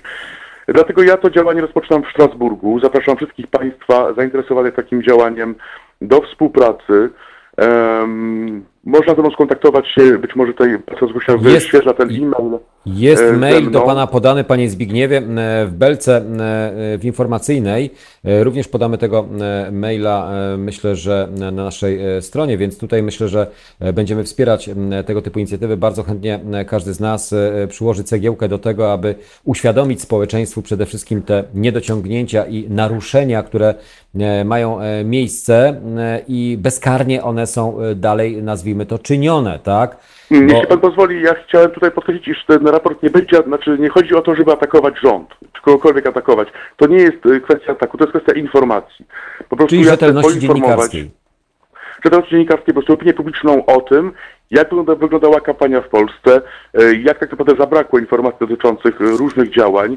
E, Tak więc po prostu potrzebuję, aby ten raport był jak najbardziej rzetelny, jak najwięcej informacji, jak najwięcej e, współpracowników przy tym raporcie, ponieważ czym bardziej będzie on szczegółowy, tym lepszy będzie on dawał obraz e, tego, co działo się w Polsce e, podczas kampanii wyborczej. Zapewniam e, Państwa również, e, iż nie jestem związany z żadną e, opcją e, tak polityczną jak dziennikarską. 10 lat temu sporządzałem już podobne e, przedsięwzięcie, podobny raport.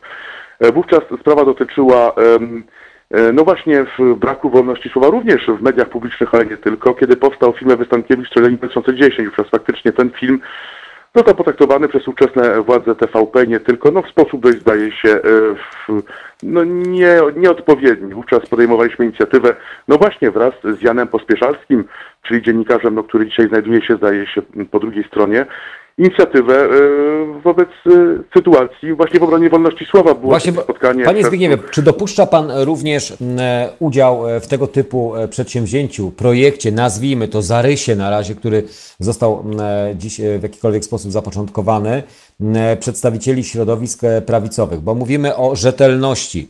To nie jest tak, że... Panie- redaktorze, znaczy osobiście ja y, jakby nie akceptuję takiego y, podejścia jak dziennikarstwo. Takiego podziału. To są dziennikarze. Są dziennikarze, tak? Y, Poglądy można mieć sobie e, jakie się chce, należy y, przede wszystkim przedstawiać rzetelną informację. Ja akceptuję, czy zapraszam, bo to nie chodzi o to, kogo akceptuję, zapraszam każdego dziennikarza dobrej woli, który chce wykonywać taki raport ze mną do współpracy. Ponieważ tutaj, jak już powiem, tutaj nie chodzi absolutnie o politykę. Tutaj polityka nie ma nic do rzeczy. No Tutaj właśnie, ale Panie Zbigniewie, m, bo teraz e, jakby moglibyśmy przejść na ten wątek, m, jaka jest obecnie rola dziennikarza, jaką e, pełni rolę dziennikarz, czy jest podporządkowany poszczególnym mediom, czy ten e, etos dziennikarski został gdzieś tam zatracony i e, tylko i wyłącznie media kumulują wokół siebie tych, którzy myślą zgodnie z linią programową danego kanału czy danego narzędzia do publikacji informacji, bo e, no ja mam wrażenie, że ten podział e, e, staje się coraz bardziej przejrzysty i coraz bardziej jasny, że dziennikarze zwolennicy albo przeciwnicy są przy jednym lub przy drugim pracodawcy, tak? No, właśnie chciałem podać konkretny przykład tego, co Pan mówi, ponieważ jest to bardzo ważne. Otóż kiedyś zabiegano o wolność słowa dla dziennikarzy po prawej stronie. Sam wspierałem takie inicjatywy. E, Tym zajmowali się e, tacy dziennikarze jak Jan Pospieszalski, Ewa Stankiewicz, Anita Gargas. E, Ci dziennikarze no właśnie apelowali o wolność słowa i słusznie, ponieważ faktycznie oni wówczas stawali się obiektami ataków. Ale Polsce, gdy ją otrzymali, tylko. tą wolność słowa, bo ją otrzymali. No właśnie, i tutaj e, co się stało? Otóż, no właśnie, tacy, dziennikarze, no właśnie, jak na przykład Joanna Lichocka, to również przecież była świetną dziennikarką i również apelowała wolność słowa, tak naprawdę e, zapomnieli, zdaje się, czy też nie pamiętają o tym, o co zabiegali wcześniej i w mojej opinii tutaj w środowisku działa taka metoda właściwie odwetu. My byliśmy ofiarami jakiś czas temu, was, e, którzy atakowaliście nas za naszą działalność i teraz my się zemścimy, tak? Ale to już jest I- publicystyka, to już nie jest dziennikarstwo w tym momencie, to już nie można właśnie, tytułować się no właśnie. dziennikarzem. No właśnie. E, Mówiłem o publicystyce, ale ja również chciałem powiedzieć o działalności partyjnej, ponieważ zdaje się, iż no, niektórzy dziennikarze TVP zajmują się de facto działalnością partyjną. To już nie jest dziennikarstwo. Ale i- mi chodzi o to, aby przekazywać rzetelną informację. Tutaj ja nie pytam nikogo o, o poglądy. Poglądy ma każdy, jakie chce. Jednak w mojej opinii e, dziennikarstwo jest przede wszystkim e, metodą rzetelnego informowania. Swoje poglądy polityczne należy wówczas y, wstawić do kieszeni, kiedy informuje się o wydarzeniach mających miejsce w danym miejscu. Ja osobiście informuję od wielu lat o tym, co dzieje się we Francji. E, absolutnie odcinając się podczas tego informowania od swoich poglądów politycznych. Również e, z- głosuję we Francji, jestem obywatelem francuskim, polskim, i francuskim, ale tutaj w moich komentarzach staram się absolutnie e, nie przedstawiać swoich poglądów, ponieważ ja jako korespondent prasowy, moją rolą jest informowanie o tym, co dzieje się tak naprawdę, jakie są poszczególne działania poszczególnych aktorów, którzy biorą udział w życiu politycznym, publicznym, społecznym i nie tylko. No właśnie, i tutaj ten raport ma temu służyć, czyli rzetelne poinformowanie o tym, co się stało tak naprawdę. Dlaczego nie doszło do wyboru 10 maja, e, a dlaczego miało do nich dojść? E, e, Jak wyglądała kampania wyborcza, która właściwie no, trwała zaledwie kilka, kilka tygodni? Jak atakowano poszczególnych kandydatów, jak uniemożliwiano im prowadzenie kampanii, wreszcie jak potraktowano Polonię. Szanowni Państwo, o tym mówi się zbyt mało w mojej opinii. Jak utrudniano tak naprawdę wszystkim polonijnym zabranie głosu w tych wyborach, jak Polonia właściwie musiała sama tworzyć tak zwanych e, kurierów, którzy właściwie dowozili te głosy do e, placówek konsularnych, to właśnie dlatego, ponieważ utrudniano im, zasłaniając się pandemią, kłopotami e, instytucji, utrudniono głosowanie wielu osobom. E, To wszystko składa się na bardzo, bardzo tru- trudną, bardzo smutną wręcz można powiedzieć i niebezpieczną całość. Jest to istotne, ponieważ jesteśmy w sytuacji, gdzie zdaje się, iż rządzący chcą odciąć się od tej kampanii wyborczej. E, Mówią nam, e, kampania wyborcza jest za nami, e, teraz, e, tak sam powiedział Andrzej Dera zresztą e, w stosunku prezydenta, politycy powinni studzić emocje. Tylko tutaj nie chodzi o to, żeby wystudzić emocje, chodzi o to, żeby przedstawić to, co się stało. Jest to bardzo ważne dla naszego państwa, e, jest to ważne dla e, stanu naszej demokracji, E, jest to wreszcie ważne dla obywateli. Obywatele mają prawo wiedzieć, w jakim żyją państwie, mają wiedzieć, w jakich wyborach brali udział. W mojej opinii nie każdy jest tego świadomy. Często rozmawiałem ze swoimi znajomymi, z innymi osobami, które no właśnie brały udział w wyborach. Oni nie byli świadomi tego, co tak naprawdę działo się w tej kampanii. E, Nie byli świadomi tego, jak wyglądała e, organizacja debat, do których właściwie nie doszło. E, Oni tak naprawdę często byli wręcz ofiarami, ofiarami tego przekazu, no, który właśnie miał w nimi manipulować, miał doprowadzić do przekazania no, fałszywych informacji. Wreszcie, no, jak ocenić medium publiczne, opłacane z funduszy publicznych, no, które dopuszcza takich wypowiedzi w- swojej siedzibie na antenie, gdzie oskarża się kogoś o to, e, iż nie ma on polskiej duszy. Znaczy, no to jest po prostu coś, coś niebywałego. To jest jeden przykład. E, Szef e, partii rządzącej e, oskarża e, kilka dni przed wyborami e, konkurencyjnego kandydata konkurencyjnej partii o to, iż nie ma on polskiej duszy. No, jest to coś, co nie mieści się w standardach Unii Europejskiej. Ale panie, standardach panie Zbigniewie, jakby zdajemy sobie z tego sprawę, bo dzisiaj na łamach Gazety Wyborczej również jest artykuł poświęcony agitacji, będzie protest e, związany właśnie z tym, co dzieje się w TVP, e, protest e, skierowany do e, Sądu Najwyższego. Bo do dziś e, przypominam, że do godziny 16 można takowe protesty e, składać. E, Czy to nie będzie takie powielanie kolejnych dokumentów, takich jak nawet kto- ktoś na naszym czacie YouTube- YouTube'a pisze, że na stronie Obserwatorium Wyborczego jest raport z obserwacji programów TVP. E, Towarzystwo Dziennikarskie m, też e, prowadzi tego typu obserwacje, więc e, to jest takie, nie będzie to takie powielanie bytów e, już funkcjonujących, e, które e, przyglądają się działaniom e, w trakcie kampanii e, prezydenckiej czy działaniom poszczególnych mediów. Czy to będzie w jakikolwiek sposób wyróżniało się pomiędzy innymi dokumentami, które e, pojawią się lub pojawiły się już e, w przestrzeni publicznej? Przede wszystkim ten raport nie będzie powstawał e, z inicjatywy jakiejkolwiek organizacji czy instytucji, którą można oskarżyć o stronniczość. E, Ten raport e, inicjuję ja, niezależny dziennikarz i on powstanie na podstawie pracy niezależnego kolektywu, który nie jest związany z nikim, tylko właściwie jest związany z rzetelną pracą. Tak więc zdaje się, iż właściwie charakter tego raportu tutaj zmienia się, ponieważ będzie trudno oskarżyć ten raport o to, iż jest on atakiem, kłamliwym atakiem złych zagranicznych podmiotów, które chcą zniszczyć praworządność w Polsce. E, Wreszcie jest to inicjatywa, która e, będzie działała w skali, ma, e, w skali mikro, przepraszam, czyli właściwie będzie przedstawiała różnego rodzaju przypadki, które nie są być może znane, czyli przypadki na przykład z mniejszych miast, przypadki z, zagranicy, przypadki poszczególnych instytucji. Faktycznie mówimy o, me, o mediach publicznych, o TVP, ale nie mówimy o innych instytucjach, które równo, również składają się na te działania. E, No nie mówimy, już zapomnieliśmy o tym, jak zepsuł się Dobrze, ale panie Zbigniewie, ale na jaki pan liczy efekt? E, Przede wszystkim, bo e, każdy raport, oprócz przedstawienia stanu rzeczy i ob- obecnej sytuacji, no ma jakiś cel, ja rozumiem, uświadomienie, ale też chodzi o jakąś pewną może regulację. Może zawód dziennikarski powinien być, czy dziennikarza powinien być w jakikolwiek sposób reglamentowany. Otóż y, efekt y, ma y, doprowadzić do sytuacji, gdzie grupa dziennikarzy zajmuje się prawdziwym dziennikarstwem, czyli ludzie o różnych poglądach tak naprawdę, niezależnie od wyniku, ponieważ tutaj nie chodzi o, o to, że e, przegrał jakiś kandydat i po prostu ten raport ma być odwetem, niezależnie od wyniku oceniają kampanię wyborczą, Chodzi o ponieważ przez pryzmat, przez pryzmat oceny tej kampanii wyborczej oceniamy tak naprawdę stan funkcjonowania polskiego państwa, ponieważ ta kampania tak naprawdę świadczy o tym, czym jest dzisiejsze państwo PiS i o tym należy mówić. Y, Chodzi o to, aby informować no nie tylko polskie społeczeństwa, ale również społeczeństwa zagraniczne o tym, co dzieje się w Polsce naprawdę.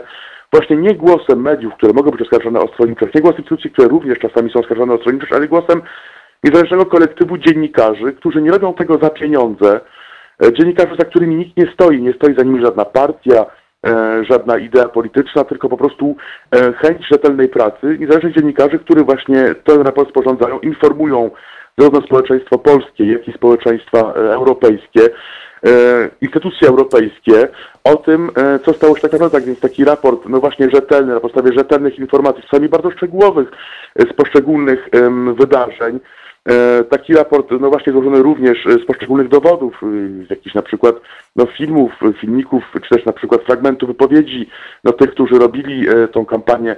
To wszystko ma po prostu pokazać e, całokształt tego, co działo się w Polsce podczas tej kampanii, e, opinii e, polskiej i międzynarodowej. Chciałem od razu powiedzieć na zarzut, z którym na pewno się spotkam po prawej stronie, czy po jakiejś stronie, że, że tak naprawdę są to działania antypolskie, e, ponieważ e, będę donosił na Polskę. Szanowni Państwo, E, Ja osobiście em, protestuję przeciwko takiemu myśleniu, że ktoś donosi na Polskę, ponieważ informuje europejskie instytucje o tym, co dzieje się w Polsce.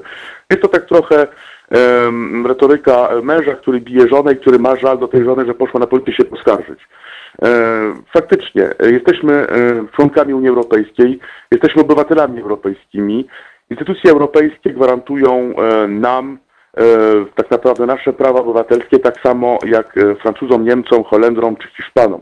Tak więc mamy absolutne prawo, my dziennikarze, my Polacy, e, informować instytucje europejskie, które nie są naszym wrogiem, tylko właśnie gwarantem naszej wolności, e, powinny być również gwarantem demokracji w naszych państwach. Tak więc tutaj współpraca z instytucjami europejskimi i informowanie tak naprawdę jest postawą moim zdaniem obywatelską i wręcz patriotyczną. Tak więc oskarżenie, e, które może się pojawić, że działam tak naprawdę przeciwko Polsce, jest e, oskarżeniem, które e, od razu Panie- odpieram tego nie przyjmuję. Panie Zbigniewie, postawmy tutaj na chwileczkę kropkę, bo myślę, że temat jest na tyle szeroki, że e, na pewno będziemy skłaniali się do kontynuowania tego, bo szczerze powiedziawszy, aż chyba zejdę sobie za chwileczkę po tak zwaną Biblię dziennikarską, która powinna przyświecać co niektórym dziennikarzom to, w jaki sposób powinny być prowadzone rzetelnie materiały i co powinny zawierać.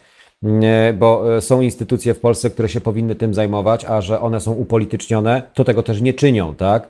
Więc tutaj e, znów potrzebne jest e, coś, co spowodowałoby, nie, nie mówię refleksję, ale regulację prawną, która niosłaby za sobą egzekwowanie albo wyciąganie Ale, panie konsekwencji. redaktorze, instytucje, ale również organizacje. Przecież organizacje dziennikarskie są tak naprawdę związkami zawodowymi dziennikarzy. Te organizacje powinny tak naprawdę dbać o rzetelną debatę, o rzetelną pracę, ponieważ chodzi tutaj o wiarygodność e, tych organizacji, ale też również o wiarygodność fachu dziennikarskiego. A ja mam Jaka poczucie, że, e, ty- że, że, tego, e, że tego mamy coraz mniej, a ta rzetelność dziennikarska przekształciła się w tak zwaną publicystykę, taką podwórkową, która m, e, no, ma osiągnąć pewien cel, który z góry jest założony. Otóż e, pytanie, e, czy ktoś chce być dziennikarzem, e, czy PR-owcem, czy propagandistą. E, Te pojęcia mylą się coraz bardziej, mieszają się między Mieszają sobą, się. a raport ten ma tak naprawdę być no, takim obrazem, a przede wszystkim takim przekazem wiarygodnego, rzetelnego dziennikarstwa, absolutnie niezależnego od wszelkich organizacji politycznych, od wszelkich mediów, po prostu raport dziennikarzy dobrej woli, którzy podkreślam, nie za pieniądze, nie na zlecenie czyjekolwiek, nie na polecenie, tylko po prostu z potrzeby wykonywania e, rzetelnie swojej pracy, niezależnie od swoich poglądów politycznych, po prostu zamierzają przystąpić do takiej pracy, która z pewnością potrwa czas jakiś i sporządzić raport e, z kampanii wyborczej, ponieważ jak już wspomniałem, ta kampania wyborcza świadczy o tym, co stało się e, z polskim państwem w ponad 4 lata.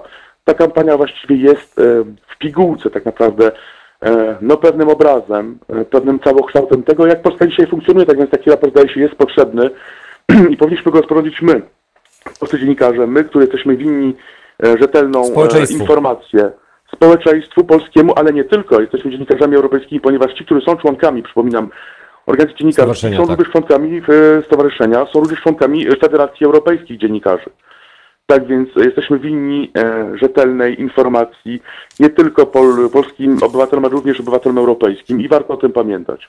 Dziękuję bardzo Panie Zbigniewie. Stawiamy na razie kropkę tutaj. Pan Zbigniew Stefanik, nasz korespondent ze Strasburga. A my wracamy do naszych słuchaczy, internautów i komentarzy dosłownie za kilka minut. Słuchajcie powtórki programu.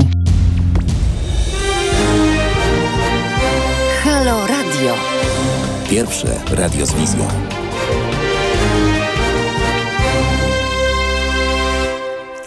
Nasza rozłąka e, z naszym korespondentem będzie niewielka, ale e, pozostajemy w temacie e, dziennikarstwa i przede wszystkim tego, jakie ono powinno być. Z racji tej, że studenci nauk politycznych, politologii czy Wydziału Dziennikarstwa mają doskonale wiedzę na temat technik, w jaki sposób powinno się rzetelnie prowadzić dziennikarstwo. Ja studiując również e, na Uniwersytecie Śląskim, a później Akademii Humanistycznej w Łodzi, też e, tę, wiedzę nabywałem, ale myślę, że oprócz nabytej wiedzy ważne jest doświadczenie i tak zwany kręgosłup. Kręgosłup, który po prostu albo się go ma, albo się go nie ma. Andrew Boyd e, w książce Dziennikarstwo radiowo-telewizyjne, czyli te techniki tworzenia programów Mm, informatycznych mm, pokazuje, e, w jaki sposób e, prowadzone e, są serwisy informacyjne, w jaki sposób przygotowywane są materiały dziennikarskie na podstawie BBC, na podstawie rzetelnych mediów, wokół których no, no, wokół których rzadko kiedy pojawiały się jakiekolwiek wątpliwości. Dlatego dziennikarze na świecie, renomowani, prestiżowi dziennikarze, E, potrafią mm, wywrócić nie jeden e, rząd, mm, potrafią może nie tyle co wywrócić, nie chodzi o zrewolucjonizowanie, ale obnażyć e, słabości, nie, nie licząc tylko i wyłącznie na poklask, ale licząc na rzetelność i wiarygodność. Kwestia przygotowywania. Materiał dziennikarski powinien, znaczy nigdy nie powinien zawierać tezy, nie powinien dawać poczucia tego, że jest on nacechowany od razu założeniem, wydźwiękiem, który e, odbiorca ma osiągnąć albo który odbiera. A przykład mediów publicznych, o których tutaj też rozmawialiśmy z panem e, Zbigniewem, no jest przykładem typowej agitacji politycznej i to, że ktoś tego nie widzi albo ktoś świadomie o tym nie mówi, przynajmniej ze strony E, partii, która to wykorzystuje, e, jest rzeczywiście e, czymś, co powinno być napiętnowane i powinno być podnoszone w, w opinii publicznej i środowisk dziennikarskich. Dwie instytucje, dwie organizacje, dwa, dwie, dwa przedstawicielstwa, które powinny się tym zajmować. Mowa oczywiście o Krajowej Radzie Radiofonii i Telewizji oraz Radzie Mediów Narodowych to ciała, które powinny być niezależne absolutnie od polityków. One nie powinny składać się w żaden sposób, nie powinny być nominowane e, przez mm, e, obóz rządzący lub partię, która w danych e, wyborach mm, ma jakąkolwiek, ma jakikolwiek wpływ. Ale tak jest, tak się niestety dzieje. I to było też po części albo głównym miernikiem efektu wyborczego, efektu wyborów prezydenckich bo gdy spojrzymy na tą niewielką różnicę 51,3 głosów na Andrzeja Dudę, a 48,97% głosów oddanych na Rafała Trzaskowskiego, to różnica raptem 422 385 głosów. Ja nie mówię teraz o błędach, o mm, niedoskonałościach podczas wyborów. Ja mówię o skali dotarcia do ludzi z informacją, która albo przekona, albo zniechęci do danego kandydata. Gdybyśmy spojrzeli na Gdyby Rafał Trzaskowski odebrał Dudzie raptem tylko 211 tysięcy głosów, to by, go, to, to by go po prostu pokonał. Tyle głosów to zaledwie 8% codziennej widowni wiadomości, które w kampanii wykonały ogromną, naprawdę ogromną pracę propagandową na rzecz urzędującego prezydenta i być może przesądziły o ostatecznym wyniku. Moglibyśmy powiedzieć, ale my nie oglądamy, my nie słuchamy. Ale właśnie te 8% było, żyło w przeświadczeniu, że ten wybór, który jest im przedstawiany, jest albo dobry, albo jest zły. Media publiczne, o których tutaj niejednokrotnie mówimy, które finansowane są z naszych pieniędzy, które mm, po części powinny być mediami obiektywnymi, stały się narzędziem. I kiedykolwiek wrócimy do tego tematu, to zawsze ten temat będzie pojawiał się w takiej odsłonie. Chcielibyśmy, żeby te media w końcu były mediami z, z, prawdziwego zdarzenia, które nie będą nacechowane politykami. Czy jest to możliwe, czy jest to realne? Nie wiem, ale gdy tego się nie rozpocznie, gdy nie będziemy na ten temat e, mówić, e, gdy będziemy przechodzić na tym do porządku dziennego, to e, dalej będziemy pozwalali na tego typu działania i na tego typu formę przekazywania treści.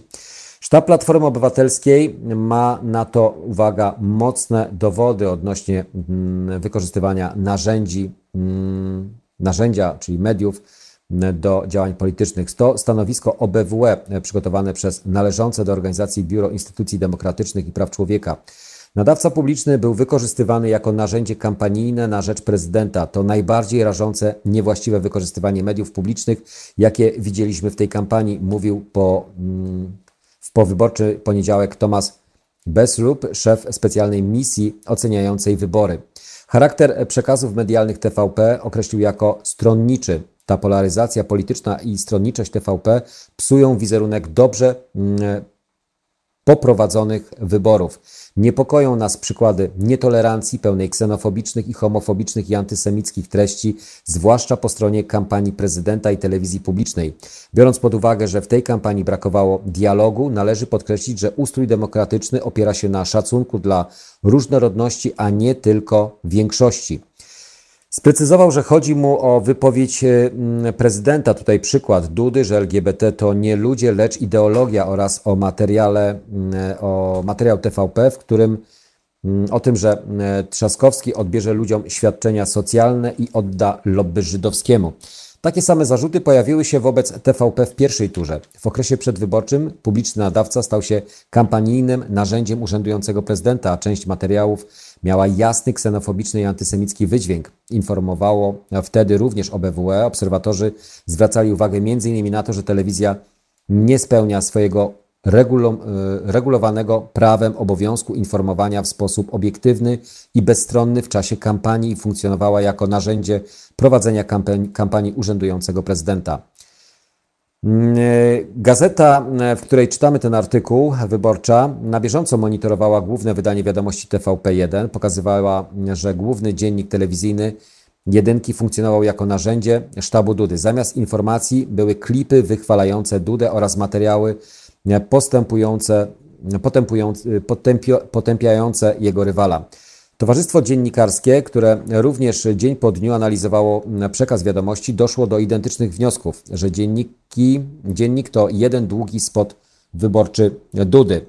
Na to, co dzieje się na antenach TVP, mm, bo agitacja prowadziła, mm, prowadziło i TVP Info, nie reagowały instytucje, których obowiązkiem jest kontrola przestrzegania praw prawa medialnego przez TVP. Chodzi właśnie o Krajową Radę Radiofonii, Telewizji oraz Radę Mediów Narodowych. Przypomnijmy, że protesty, które e, można składać dziś, e, wyborcze e, w Sądzie Najwyższym przez trzy dni po podaniu przez PKW oficjalnych wyników wyborów. Termin upływa więc w czwartek. Protest osobiście można złożyć w siedzibie Sądu Najwyższego do godziny 16. Po tej godzinie można go wysłać na Poczcie Polskiej. O ważności wyborów zdecyduje cały skład Izby Kontroli Nadzwyczajnej i Spraw Publicznych Sądu Najwyższego. Izbę powołała nowa KRS. Musi to zrobić w ciągu 21 dni od dnia podania wyników wyborów przez PKW. Na pytanie dotyczące składania protestów y, odpowiadają prawnicy wolnych sądów. Dziś również między godziną 10 a 18 y, pod telefonem dyżurnym 123 120720. Jeżeli ktoś ma jakieś pytania czy wątpliwości, może się również tam zgłosić. Dziewiąta na zegarach. Y, My powracamy do Was za chwilę i również pojawi się komentarz naszego korespondenta Zbigniewa Stefanika, więc zachęcam do pozostania do godziny 10. Słuchajcie powtórki programu.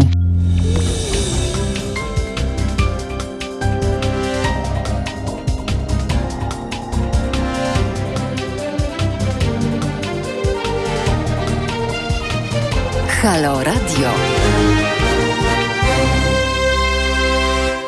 9.06 na zegarach. E, Jacek Zimnik do godziny 10 wspólnie e, z naszymi internautami, słuchaczami, haloradiowymi, halo radiowymi, haloradiową rodzinką. E, Mamy e, jednego z naszych słuchaczy. E, Halo, dobry wieczór. Dobry wieczór, dzień dobry. Dzień dobry, witam. E, Jak się nie mylę, chyba Dorota, tak? Nie, Andrzeja. Andrzeja, Angela, tak? W życiu Andrzeja. Andrzeja, witam cię serdecznie. Andrzeja, Andrzej w formie żeńskiej. Może tak Andrzeja, no tak. No Cześć, tak. witam. Dzień dobry. Dzień dobry, słucham, słuchamy cię uważnie. Słucham teraz e, waszej audycji i bardzo podoba mi się inicjatywa mm, pana Stefanika. E, zgadzam się, że e, z, z krokami przed, przez niego podjętymi, że dziennikarze powinni bardzo zaangażować się w podawanie uczciwych, prawdziwych w miarę możliwości obiektywnych informacji. I taki raport, jaki chce stworzyć pan Stefanik, jest czymś naprawdę bardzo dobrym. Pana kontrą w wypowiedzi do, niego, do tego pomysłu było e, OBWE już coś robi. No i, i co? I co z tego wynika? Nic nie wynika, prawda? No właśnie. Więc w, związku z tym jest taka zasada e, zdartej płyty. Czym więcej o czymś mówimy, tym szybciej ktoś w to uwierzy. Jeżeli my przyjęliśmy, że opieramy się na e, OBWE, e, nic się nie dzieje, no to co? To niech się dzieje tak, jak się dzieje przez ostatnie i nie tylko ostatnie lata. Bo ja z, z wielką, e, z wielkim żalem i złością e, oglądam e, pracę dziennikarzy obecną, telewizyjnych, z różnych stacji. I moją ulubioną stacją swego czasu była super stacja, kiedy jeszcze była tam Eliza Michalik i, i Kuba Wątły. E, Teraz już za nią nie płacę, bo, bo nie, ale to były jedyne miejsca od bardzo dawna, gdzie można było usłyszeć i zapoznać się z innym punktem widzenia, zupełnie inną, nową, nowym otwarciem. E, Nie jestem w stanie znieść e, w jakiś sposób i pogodzić się z tym, że dziennikarze e, skaczą po, skaczą po tematach, nie doprowadzają w swoich rozmowach, w swoich wywiadach, w swoich programach do zakończenia czegoś, do powrotu po jakimś czasie do poruszanego zagadnienia. Są bezwolni. Są bezwolni w rękach polityków e, i polityków, politykierów, bo polityków u nas chyba nie ma. Także bardzo, bardzo podoba mi się e, ten e, pomysł, żeby już skończyć. Powiem jeszcze, że wysłuchałam wczoraj spóźnionej już audycji dziewczyny z Akcja Demokracja i właśnie wtedy też się obudził wczoraj we mnie żal. Dlaczego taki sobie nawet TVN, który ogląda, podejrzewam, wielu e, ludzi o podobnych do mnie poglądach, e, nie zrobił takich akcji o mężach, żonach zaufania przed wyborami. Naprawdę wielu z nas nie wiedziało, że tak możemy. Nie chcę już więcej zabierać czasu. Dziękuję za wysłuchanie i pozdrawiam gorąco. Jest teraz Radio Nowy Świat. Jesteście wy i nagra- na razie rano słucham was. Andrzejo, e, Andrzejo, e, dziękuję Ci bardzo. Nie wiem, czy prawidłowo odmieniłem, bo. e, bardzo dobrze. Bardzo dobrze. Dziękuję. Dziękuję Ci bardzo. Pozdrawiam serdecznie za ten głos dodania otuchy tym, temu projektowi, bo myślę, że tak jak powiedziałaś, jak zdarta płyta, trzeba cały czas informować i trzeba na bieżąco ludzi ludziom dawać e, tą wiedzę. Informację, wiedzę, którą przez ostatnie 30 lat nikt nie dawał naszemu społeczeństwu. Dlatego mamy to, co mamy. Ale zobacz, bo też zastanawiam się tak z punktu widzenia e, Twojego jako mhm. odbiorcy. E, taki raport, czym powinien przede wszystkim zaskutkować? Co powinno być jego celem? Bo świadomość to jedno, ale jakieś konsekwencje jakaś regulacja e, czy e, powstanie jakiejś organizacji nadrzędnej, która, którą będzie każda władza, czy każdy rząd, czy ewentualnie no, odpowiednio się do tego odnosić, bo wiemy, jak obecnie rządzący podchodzą do różnych no, tak. raportów, czy różnych wytycznych, które sugerowane są właśnie czy to z Brukseli, czy to z Komisji Weneckiej, czy E, właśnie z OBWE wspomnianego wcześniej, no jakby ignorują to i lekceważą tego typu e, stanowisko. Tak, dlatego um, wydaje mi się, że skutkiem ostatecznym, takim już na końcu e, zupełnym, powinno, powinny być e, tworzone akty prawne. Projekty aktów prawnych, które będą, już, już wiemy, co by należało w kodeksie wyborczym zmienić, myślę, po tych wyborach to uściślić i zawierać w tych aktach prawnych zapisy o odpowiedzialności. Ja wiem, że to później musi yy, zaakceptować. Przejść przez parlament, musi przejść parlament przez senat, tak. Oczywiście, na końcu podpisać ale jeżeli prezydent. tego nie zaczniemy robić, nie zaczniemy, no bo w jaki sposób jakbym mogła, yy, mogłabym się dołączyć, bo jak trzeba było zbierać, to tak już wtrącę, yy, głosy na Trzaskowskiego, to je pozbierałam. Ruszyłam, zebrałam 50 głosów. Mało, dużo, nie wiem.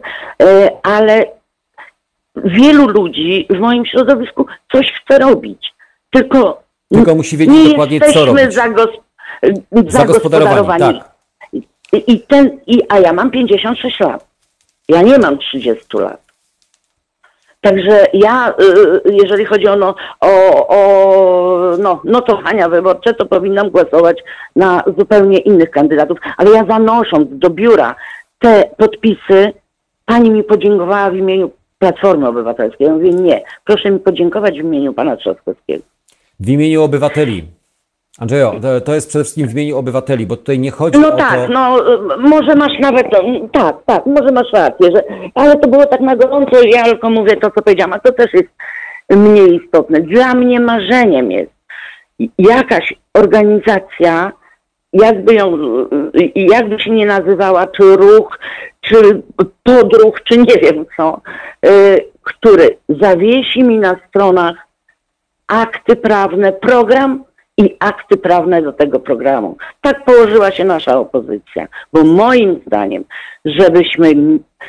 Dobra, opozycja to jest zupełnie inny temat i nie ten temat. W każdym bądź razie, akty prawne. Zapytałeś mnie i próba lobowania za ich wprowadzenie. Postawmy kropkę tutaj. Dziękuję Ci bardzo, e, e, bo to są pytania, na które jeszcze nie jesteśmy w stanie odpowiedzieć, i, e, ale inicjatywa jest dobra. Myślę, że każdy z nas, kto ma poczucie obywatelskości, jakby i e, nie jakby, ale poczucie obywatelskości i poczucie tego, że powinno to wyglądać całkowicie inaczej, powinien do takich e, inicjatyw i projektów się przyłączyć. E, dziękuję bardzo jeszcze raz, Andrzeju, pozdrawiam serdecznie, miłego dnia życzę. Ja również dziękuję serdecznie za wysłuchanie mojego słowotoku. Pozdrawiam Was i trzymajcie się. Trzymajmy się. To była Andrzeja. Dziękuję Trzymajmy bardzo. Się. E, my już dosłownie lada moment będziemy słyszeli się e, z naszym korespondentem, e, z którym będziemy jeszcze nawiązywać się no, oczywiście do tej inicjatywy i do tego projektu, mm, ale fragment listu, który chciałem tylko i wyłącznie fragment przeczytać ze znakiem zapytania na samo zakończenie, które mm, będzie nas dzieliło właśnie od mm, naszego połączenia. Z natury jestem raczej optymistą, jednak po ogłoszeniu przez PKW wygranej Dudy mój optymizm został doszczętnie zgaszony. Ileż można się łudzić, że będzie lepiej, że to się kiedyś skończy, że granice dotychczas nieprzekraczalna nie zostanie jednak ostatecznie przekroczona. No właśnie, granica nieprzekraczalna zostanie przekroczona i została przekroczona. To, to napisał na łamach e, gazety e, Piotrek z Warszawy w liście, który uświadamia, jak mocne są podziały i jak mocno zaangażowane media miały wpływ na to, jaki był wynik wyborczy wyborów prezydenckich 2020 roku. Wracamy do Was dosłownie za kilka minut. Słuchajcie powtórki programu.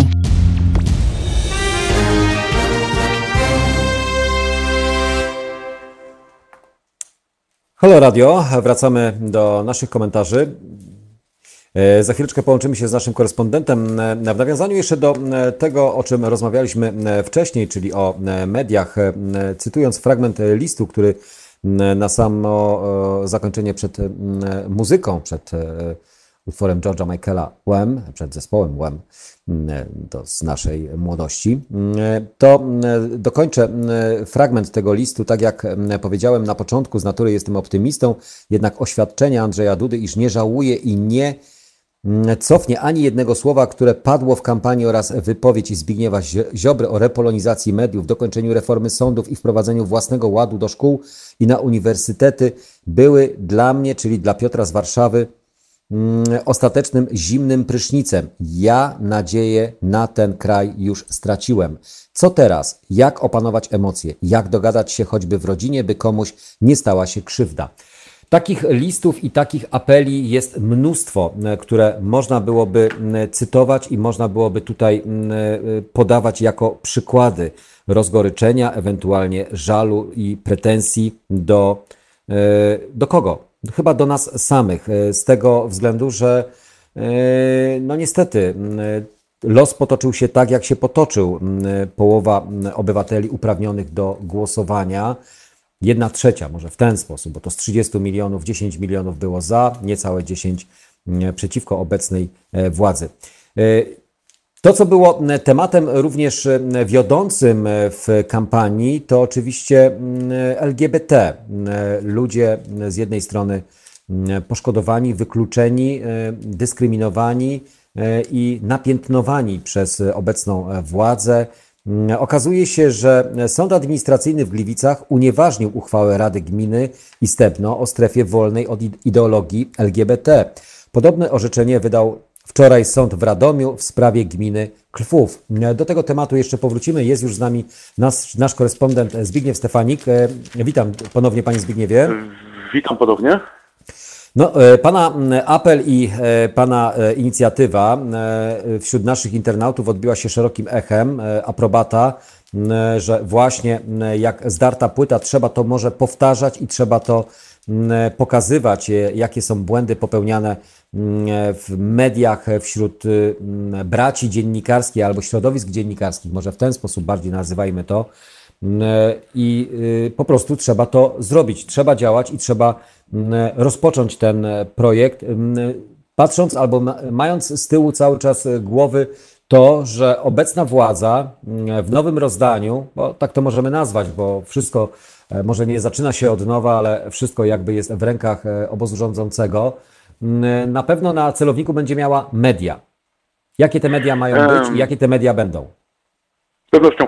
Ja chciałem podzielić się z Państwem pewnym osobistym przeżyciem i pewną ewolucją, którą przeszedłem właściwie w przeciągu tych e, pięciu dni. Otóż Przyznaję, że wynik wyborów, wyborów tak naprawdę nie rozczarował, wręcz y, nie, sma, nie smaczył. Obserwowałem te wyniki, czekałem na ten ostatni sondaż Exit Polls, ten, który pojawił się o drugiej ranek, właściwie stwierdziłem, no to niemożliwe, tak, no to niemożliwe po prostu, no jak to możliwe, że po prostu ludzie nie zrozumieli tego, że tu nie chodziło o wybór pomiędzy Rafałem Trzaskowskim a Andrzejem Dądko, właściwie chodziło o to, aby stworzyć pewien bezpiecznik i stwierdziłem, że ja rezygnuję, tak, ja kończę działalność dziennikarską sumie żyję we Francji tak naprawdę, nie muszę tego robić, po co ja to robię.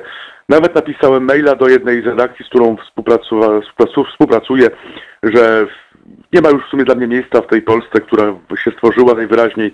Wolność dla ludzi nie jest istotna i nie warto, po co mam się męczyć, w sumie są ciekawsze rzeczy do robienia w życiu niż e, tłumaczenie ludziom Ale- czegoś, czego oni nie chcą zrozumieć, ale no właśnie stwierdziłem, że to był wielki błąd, ponieważ no nie można w ten sposób patrzeć, obrażać się na ludzi, e, którzy zostali w dużej mierze zmanipulowani tak naprawdę. Ale no obraziłby przez, się pan na te 10 milionów, które było mm, odmiennego zdania niż te, które może nie udało się przekonać albo nie udało się uświadomić. I właśnie o tym mówię. To był wielki błąd, y, za, za, za który tutaj no, chciałem po prostu Państwa przeprosić, bo e, to było, to było błędne podejście. Otóż nie wolno się obrażać. Proszę Państwa, o to chodzi, żeby dziennikarz się nie obrażał, nie dawał ponieść się swoim własnym emocjom, poglądom. Mój pogląd był taki, że zagłosowałem na Rafała Trzaskowskiego czyjego i wspierałem tą kampanię, ponieważ uważałem, że to jest y, możliwość pewnego bezpiecznika, ale zwyciężył drugi kandydat. I takie właśnie myślenie, że zwyciężyła druga strona, należy teraz odejść, wyjechać z Polski, zrezygnować z działalności, moim zdaniem jest, jest błędnym podejściem, ponieważ no, nie wolno się obrażać. Dziennikarz powinien przyjmować fakty i te fakty relacjonować bezwzględnie na swoje własne emocje. Mamy wszyscy prawo do swoich emocji, powinniśmy je mieć, ale tutaj należy je, je rozdzielać tak naprawdę przy pracy dziennikarskiej. Właśnie stąd ten raport. E, Jest to właśnie raport ludzi, którzy się nie obrażają tak naprawdę na rzeczywistość, tylko właśnie próbują pokazać tą rzeczywistość, tak jak ona wygląda, możliwie jak najbardziej obiektywnie, e, z różnych stron, z różnych perspektyw, pokazując właśnie, e, dlaczego doszło tak naprawdę do, do, do pewnych wydarzeń. To jest praca dziennikarska. My nie powinniśmy tworzyć rzeczywistości, powinniśmy relacjonować. Zdaje się, że obecnie dziennikarze za często tworzą rzeczywistość, próbują ją stworzyć, no właśnie na polecenie być może swoich poglądów albo na polecenie być może swoich redakcji, ale my nie jesteśmy od tworzenia, my jesteśmy od tego, aby tą rzeczywistość opisywać, aby ją tłumaczyć obywatelom, aby pokazywać jak ona wygląda. Ale e, pokazywać ją z każdej dostęp- strony, pokazywać ją z tej dobrej i z tej złej strony, nawet jeżeli to jest nie po myśli m, e, jednej inicjatywy czy drugiej inicjatywy, bo chodzi o to, żeby odbiorca sam e, wyciągnął sobie wnioski, a nie były te wnioski mu narzucane. No właśnie o to chodzi. Tutaj nie powinniśmy się obrażać na taki czy inny wynik wyborów, tylko powinniśmy próbować go zrozumieć. Dlaczego tak naprawdę, pomimo tych wszystkich działań, które miały miejsce, jednak e, 10 milionów ludzi zagłosowało e, na PiS? Dlaczego tak się stało? E, My, dziennikarze, powinniśmy próbować to wszystko zrozumieć i potem właśnie tłumaczyć to tym wszystkim, e, którzy nie mają dostępu do, do takich informacji, którzy być może nawet nie mają czasu, aby się nad tym zastanawiać. E, To jest nasza praca, tak więc mówię o tym, ponieważ słyszałem e, wiele głosów właśnie ludzi mówiących kończę z dziennikarstwem, kończę z działalnością publiczną, to, to niemożliwe. Ludzie dali się kupić za 500 zł. To jest błędne myślenie. Znaczy, no w ten sposób, e, tak naprawdę obrażając się e, na, dziennik, na, na ludzi, niczego się nie zmieni tak naprawdę. Na nic się nie ma wpływu. My powinniśmy mieć wpływ na to, e, jaka jakość informacji tak naprawdę dominuje w przestrzeni publicznej.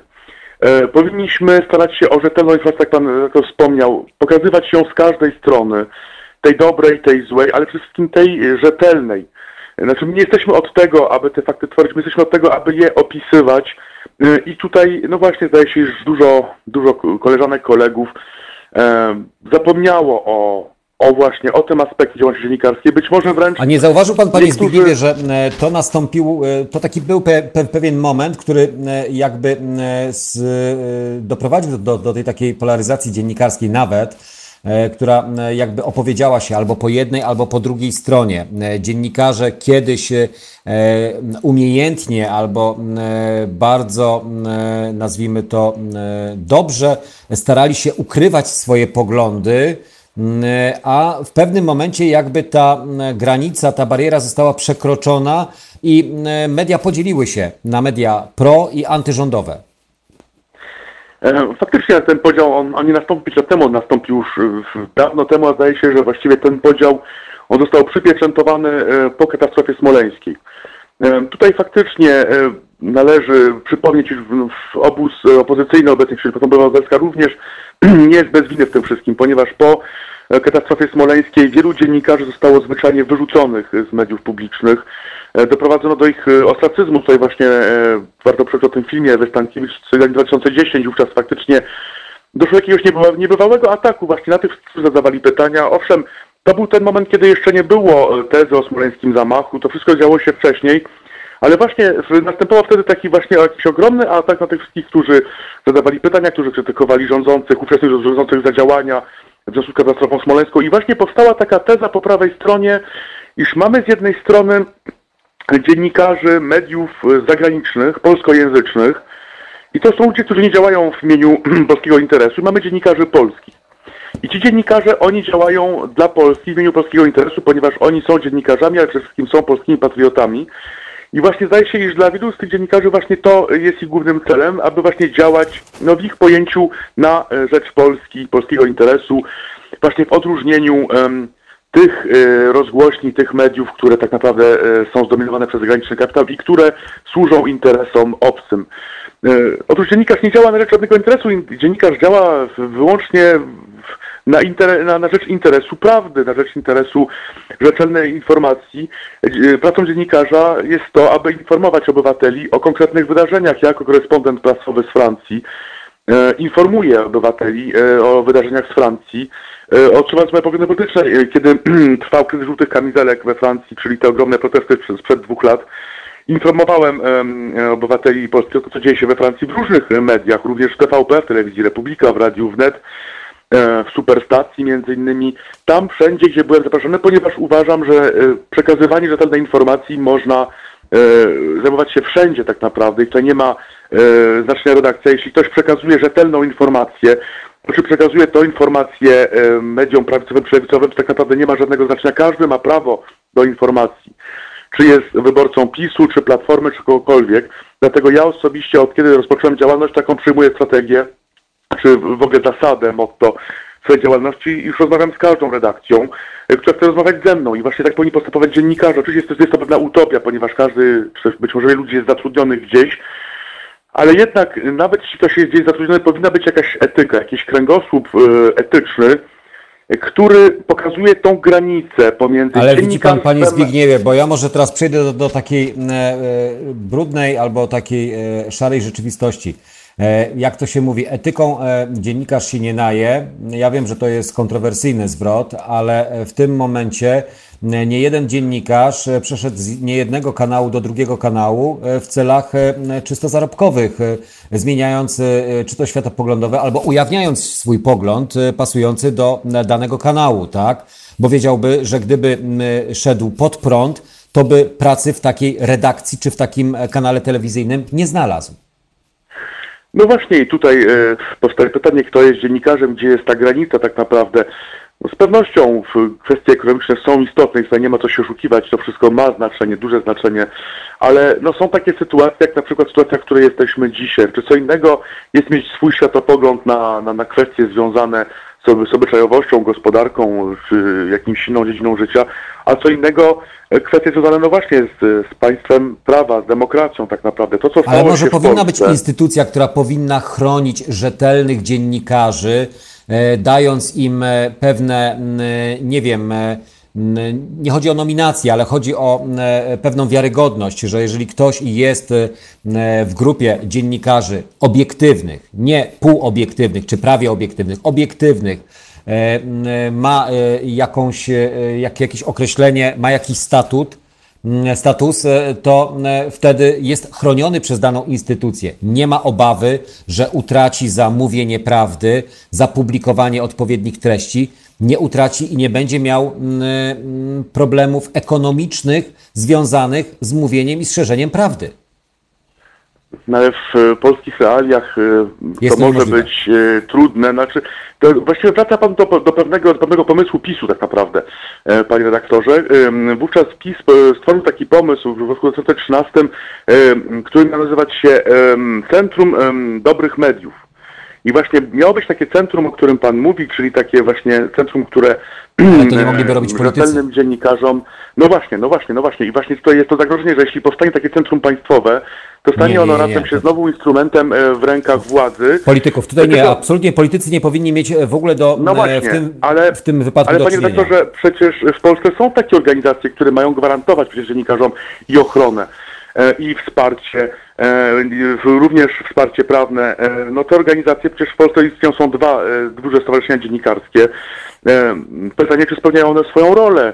Zdaje się, iż nie do końca, skoro faktycznie nie były w stanie wyprodukować takiego raportu, raportu, który właśnie by pokazywał, no właśnie stan e, demokracji w Polsce. Przecież zdaje się, że jest ich, ich, ich obowiązek. Przecież istniały e, sytuacje, gdzie dziennikarze byli wyrzucani nie tylko e, podczas no, tych rządów, ale wcześniej z różnych instytucji, z różnych mediów, z TVP również, czy ktoś stanowi ich obronie? No właśnie politycy, politycy, panie redaktorze. Ale może to nie powinna być taka organizacja krajowa, tylko to powinna być organizacja międzynarodowa, która zrzeszałaby takowych dziennikarzy, zarazem dając im gwarancje i chroniąc ich przed różnego rodzaju szykanowaniem czy mm, mm, dzieleniem ich na tych lepszych i na tych gorszych. I taka organizacja również istnieje. Wszystkie federacje europejskie, które są, one właśnie zrzeszają organizacje, ponieważ system e, funkcjonuje w sposób następujący.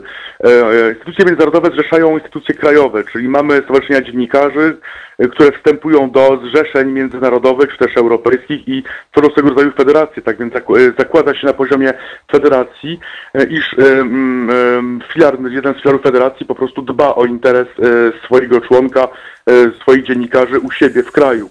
E, czyli e, jeśli jestem e, członkiem Federacji Europejskiej, najpierw jestem członkiem swojego stowarzyszenia dziennikarskiego, to się nie sprawdza, ale nie tylko w Polsce ten problem istnieje również we Francji, gdzie no również można by było wiele powiedzieć o wolności, o wolności słowa. No i właśnie i, i, i do czego to prowadzi? No właśnie do tego, że dziennikarstwo tradycyjne właściwie traci, no traci wiarygodność, coraz więcej widzów, słuchaczy, czytelników, no właśnie zwraca się w stronę internetu, gdzie jest coraz więcej fake newsów, ponieważ no ten stan rzeczy jest wykorzystywany przez no nie tylko państwa, ale właśnie różne organizacje, w tym partie polityczne, w celach dezinformacyjnych, manipulacyjnych. Faktycznie powinna powstać pewna redefinicja pracy dziennikarza, etyki, pewnego kodeksu etycznego. Być może wręcz powinniśmy wrócić do, do takiej formuły, że właściwie praca dziennikarza powinna w jakiś sposób być regulowana, czyli ktoś tak naprawdę wydaje legitymację, no właśnie na podstawie spełnionych pewnych kryteriów i ta legitymacja właśnie umożliwia E, pracownika, to oczywiście pewna utopia, ponieważ faktycznie dzisiaj internet e, umożliwia tak naprawdę publikację dowolnych, e, dowolnych tematyk i właściwie każdy może się dziennikarzem sam ogłosić. Jednakże faktycznie mamy duży problem dziennikarzy, którzy mylą publicystykę z, z propagandą, z, polityką, z przekazywaniem informacji i właściwie trwa takie pomieszanie z poplątaniem. E, ja, szanowni państwo, nie jestem e, zwolennikiem, ani nie działam na rzecz ani prawicy, ani e, lewicy, ani platformy, ani PiSu. Jeśli państwo prześledzicie moje publikacje z 10 lat, to zauważycie, że zarówno pisałem teksty dotyczące rządu Donalda Tuska, odnosiłem się bardzo krytycznie do, do różnych wydarzeń, pisałem teksty o rządach Beaty Szydło, E, kilka lat temu e, e, zaprzestałem prowadzenia bloga ze względu na hejt, który mnie tam spotykał. Po prostu komentarze, które tam pojawiały się, były na takim poziomie, że uznałem, że być może nie warto, tak więc zmieniłem formę i z pracy i właściwie w, zacząłem pracować jako korespondent, ale nie jestem w żaden sposób związany z żadną redakcją, chociaż współpracuję z różnymi redakcjami, nie jestem z nikim związany żadną umową o pracę nie działa na rzecz żadnej partii politycznej. Właściwie jestem niezależnym dziennikarzem, który mm, próbuje możliwie jak najlepiej relacjonować sytuację we Francji, a i również w Polsce, ponieważ w mojej opinii takie spojrzenie z zewnątrz na pewne wydarzenia przy znajomości realiów danego kraju, znajomości aktorów, które składają się na, na tą rzeczywistość, może również coś wnieść do rzeczywistości, e, która tam ma miejsce, również może wnieść coś do informowania rzetelnego E, obywateli, nie tylko polskich, ale również e, francuskich, nie tylko, podkreślam, Polska jest członkiem Unii Europejskiej e, i wszyscy mamy obywatelstwo Unii Europejskiej, nie tylko polskie. Tak więc to, co dzieje się w Polsce, również interesuje obywateli Francji, Niemiec, ich również warto o tym informować. Tak więc y, zaczynam y, ten projekt, y, czekam na, na państwa, państwa maile, Państwa wiadomości. E, myślę, że warto, ponieważ, e, jak już wspomniałem, raporty, które powstają dotyczące kampanii polskiej e, w Polsce, są to raporty, które są tworzone przez organizacje, instytucje międzynarodowe, takie jak i krajowe. Łatwo więc podważyć wiarygodność takiego projektu. Można powiedzieć, że ktoś jest za granicą, a kogoś finansuje taka fundacja, ktoś bierze pieniądze, ktoś kogoś popiera i tutaj ma wsparcie polityczne w przyszłości na jakieś na przykład liście. Ja jestem osobą niezależną i myślę, że kolektyw, jeśli takiego powstanie, właśnie będzie wiarygodny, ponieważ on tak naprawdę y, nie będzie pobierał pieniędzy za swoją działalność. Każdy, który weźmie udział w tym kolektywie, jeśli uda się go utworzyć, będzie to robił dobrowolnie. I tak naprawdę jego nagrodą będzie rzetelny raport, rzetelny raport przetłumaczony na kilka języków, który będzie informował o o tym, co się wydarzyło. Wreszcie, ponieważ Państwo poruszyliście taką kwestię, czy warto, jaki to będzie miało wpływ. Otóż Historia toczy się dalej i należy takie dokumenty produkować choćby po to, aby zostały one, no właśnie, w naszej historii. E, przecież kiedy KOR rozpoczynał swoją działalność, również można było powiedzieć, ale kto przeczyta te 20 broszurek, które KOR e, wyprodukuje, napisze i te 30 ulotek, zanim e, SB ich nie pozbiera i nie, za, nie zatrzyma ich autorów za zaśmiecanie ulic. Jednakże te ulotki, one powstały i zostały tak naprawdę i stały się pewną podwaliną, pewnym filarem pewnej myśli, no właśnie, która zachęcała e, ludzi do działania. Na przykład ta myśl, nie palcie komitetów, budujcie swoje. E, ja dzisiaj chciałem z taką myślą, nie obrażajcie się na Polskę, budujcie ją od nowa. Od nowa. E, e budujcie ją od nowa, budujmy tą nową Polskę, Polskę demokratyczną, Polskę europejską. No właśnie, my dziennikarze mamy w tej budowie, w tej budowie dużą rolę. Mówię o tym, ponieważ tam przyszedłem dużą ewolucję, którą się z Państwem podzieliłem. Nie warto się obrażać. Wynik wyborów jest taki, jaki jest. Z pewnością na ten wynik miał wpływy działania, o których mówimy, ale wynik wyborów jest taki, jaki jest. Trzeba go zaakceptować i po prostu e, budować. Polskę dalej działamy w e, dużo trudniejszej sytuacji e, niż mogło mieć miejsce. Zostało zaznaczona szansa na stworzenie dwóch władzy e, z pewnością co najmniej trzy lata do e, kolejnych wyborów. Nie wiadomo, co się wydarzy. E, trudny czas. I, I to jest może ten czas, panie Zbigniewie, właśnie na to, aby przygotowywać taki, taki raport i przygotowywać grupę rzetelnych dziennikarzy, którzy będą przyglądać się i weryfikować poczynania przy następnych wyborach, czy może nawet uświadamiając społeczeństwo o, o fakcie albo o stanie, jaki jest e, polskich mediów w, w obecnej sytuacji, w dzisiejszych czasach. Jeśli pan Dziękuję bardzo, ostatnie słowo, jeśli tak? pan pozwoli ostatnie słowo, nie, nie palcie komitetów, budujcie swoje, nie obrażajcie się na istniejące komitety, budujcie swoje, nie obrażajcie się na Polskę, po prostu działajcie na jej rzecz. Dziękuję bardzo. Zbigniew Stefanik, nasz korespondent ze Strasburga, e, był e, czwartkowym naszym gościem. E, dosłownie słyszymy się za chwilę, a to już w ostatnim wejściu takich kilka ciekawostek, które teraz gdzieś wyszły na jaw odnośnie żądania stwierdzenia nieważności tych wyborów i projektu, który został no, wprowadzony do rozpatrzenia przez Sejm, przez panią marszałek. No, ciekawy temat. Słuchajcie powtórki programu.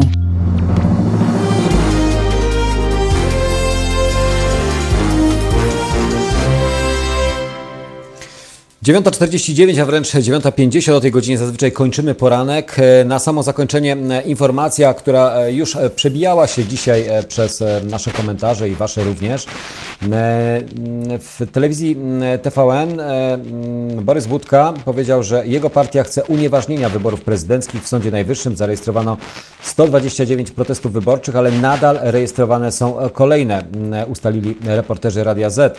Protesty wyborcze wciąż wpływają, tak tak jak mówiłem, e, termin upływa dziś do godziny 16, a w formie listownej do, do północy decyduje oczywiście data stempla e, pocztowego. E, konkretnie mówi się, politycy wskazują w tych protestach nadużycia systemowe przy organizacji wyborów prezydenckich, dowody na konkretne przykłady nadużyć i manipulacji czy uniemożliwienia oddania głosu. Naszym e, celem, e, mówi rzecznik partii poseł Jan Grabiec, jest e, celem doprowadzenie do tego, żeby nigdy więcej nie było nadużyć prawa wyborczego w takiej skali. To były najbardziej nieczyste wybory w ostatnich 30 latach, powiedział rzecznik PO. Myślę, że kwestia samego głosowania i sam akt głosowania, to też dodaje Borys, Bukta, Borys Budka, może być dobrze przeprowadzone, ale cała otoczka, zaangażowanie finansów publicznych, zaangażowanie mediów, tak zwanych publicznych, sprawiało, że nie była to równa sytuacja. Żądamy stwierdzenia nieważności tych wyborów uzasadnia Borys y, Budka, szef Platformy Obywatelskiej, przynajmniej teraz jeszcze obecnie. Co do e, Małgorzaty Witek, pani marszałek, to taka ciekawostka, która w ostatniej chwili też się pojawiła. Projekt ustawy w sprawie Halloween w Sejmie przewiduje grzywnę i areszt za świętowanie. Co jest ważne, uzasadnienie, że kto w dniu 31 października chodzi i puka do po mieszkaniach, e, prosząc o cukierki lub ostrzegając przed popełnieniem złośliwego żartu, podlega karze grzywny w wysokości co najmniej 500 zł lub karze ograniczenia wolności. Czytamy w petycji opisanej przez Rzeczpospolitą. Projekt ustawy dotyczy wspierania narodowych tradycji Rzeczpospolitej Polskiej, ma przeciwdziałać szkodzeniu pamięci zmarłych i niszczeniu katolickiej tradycji oraz zagrożeniu e, duszy e, no, tej polskiej, pamiętajcie. To tak e, na samo zakończenie e, taki e, kabar kabaretowy wręcz akcent rzekłbym, że czym można się zajmować. Oczywiście wiadomo, że kwestie proceduralne pozwalają na tego typu inicjatywy, ale czy się ktoś nad tym pochyli? Nie wiem. Wszystko się może wydarzyć po wyborach prezydenckich przez najbliższe trzy lata. Życzę Wam udanego dnia, słonecznego dnia, pogodnego dnia, mimo wszystko i mimo wszystkich sytuacji, które się dzieją. Więc dziękuję za ten dzisiejszy poranek wspólnie z Piotrem, który realizował. Piotrze, pozdrawiam Cię serdecznie. Do usłyszenia dla tych, którzy nas słuchają i do zobaczenia, którzy nas też widzą. Jacek Zimnik.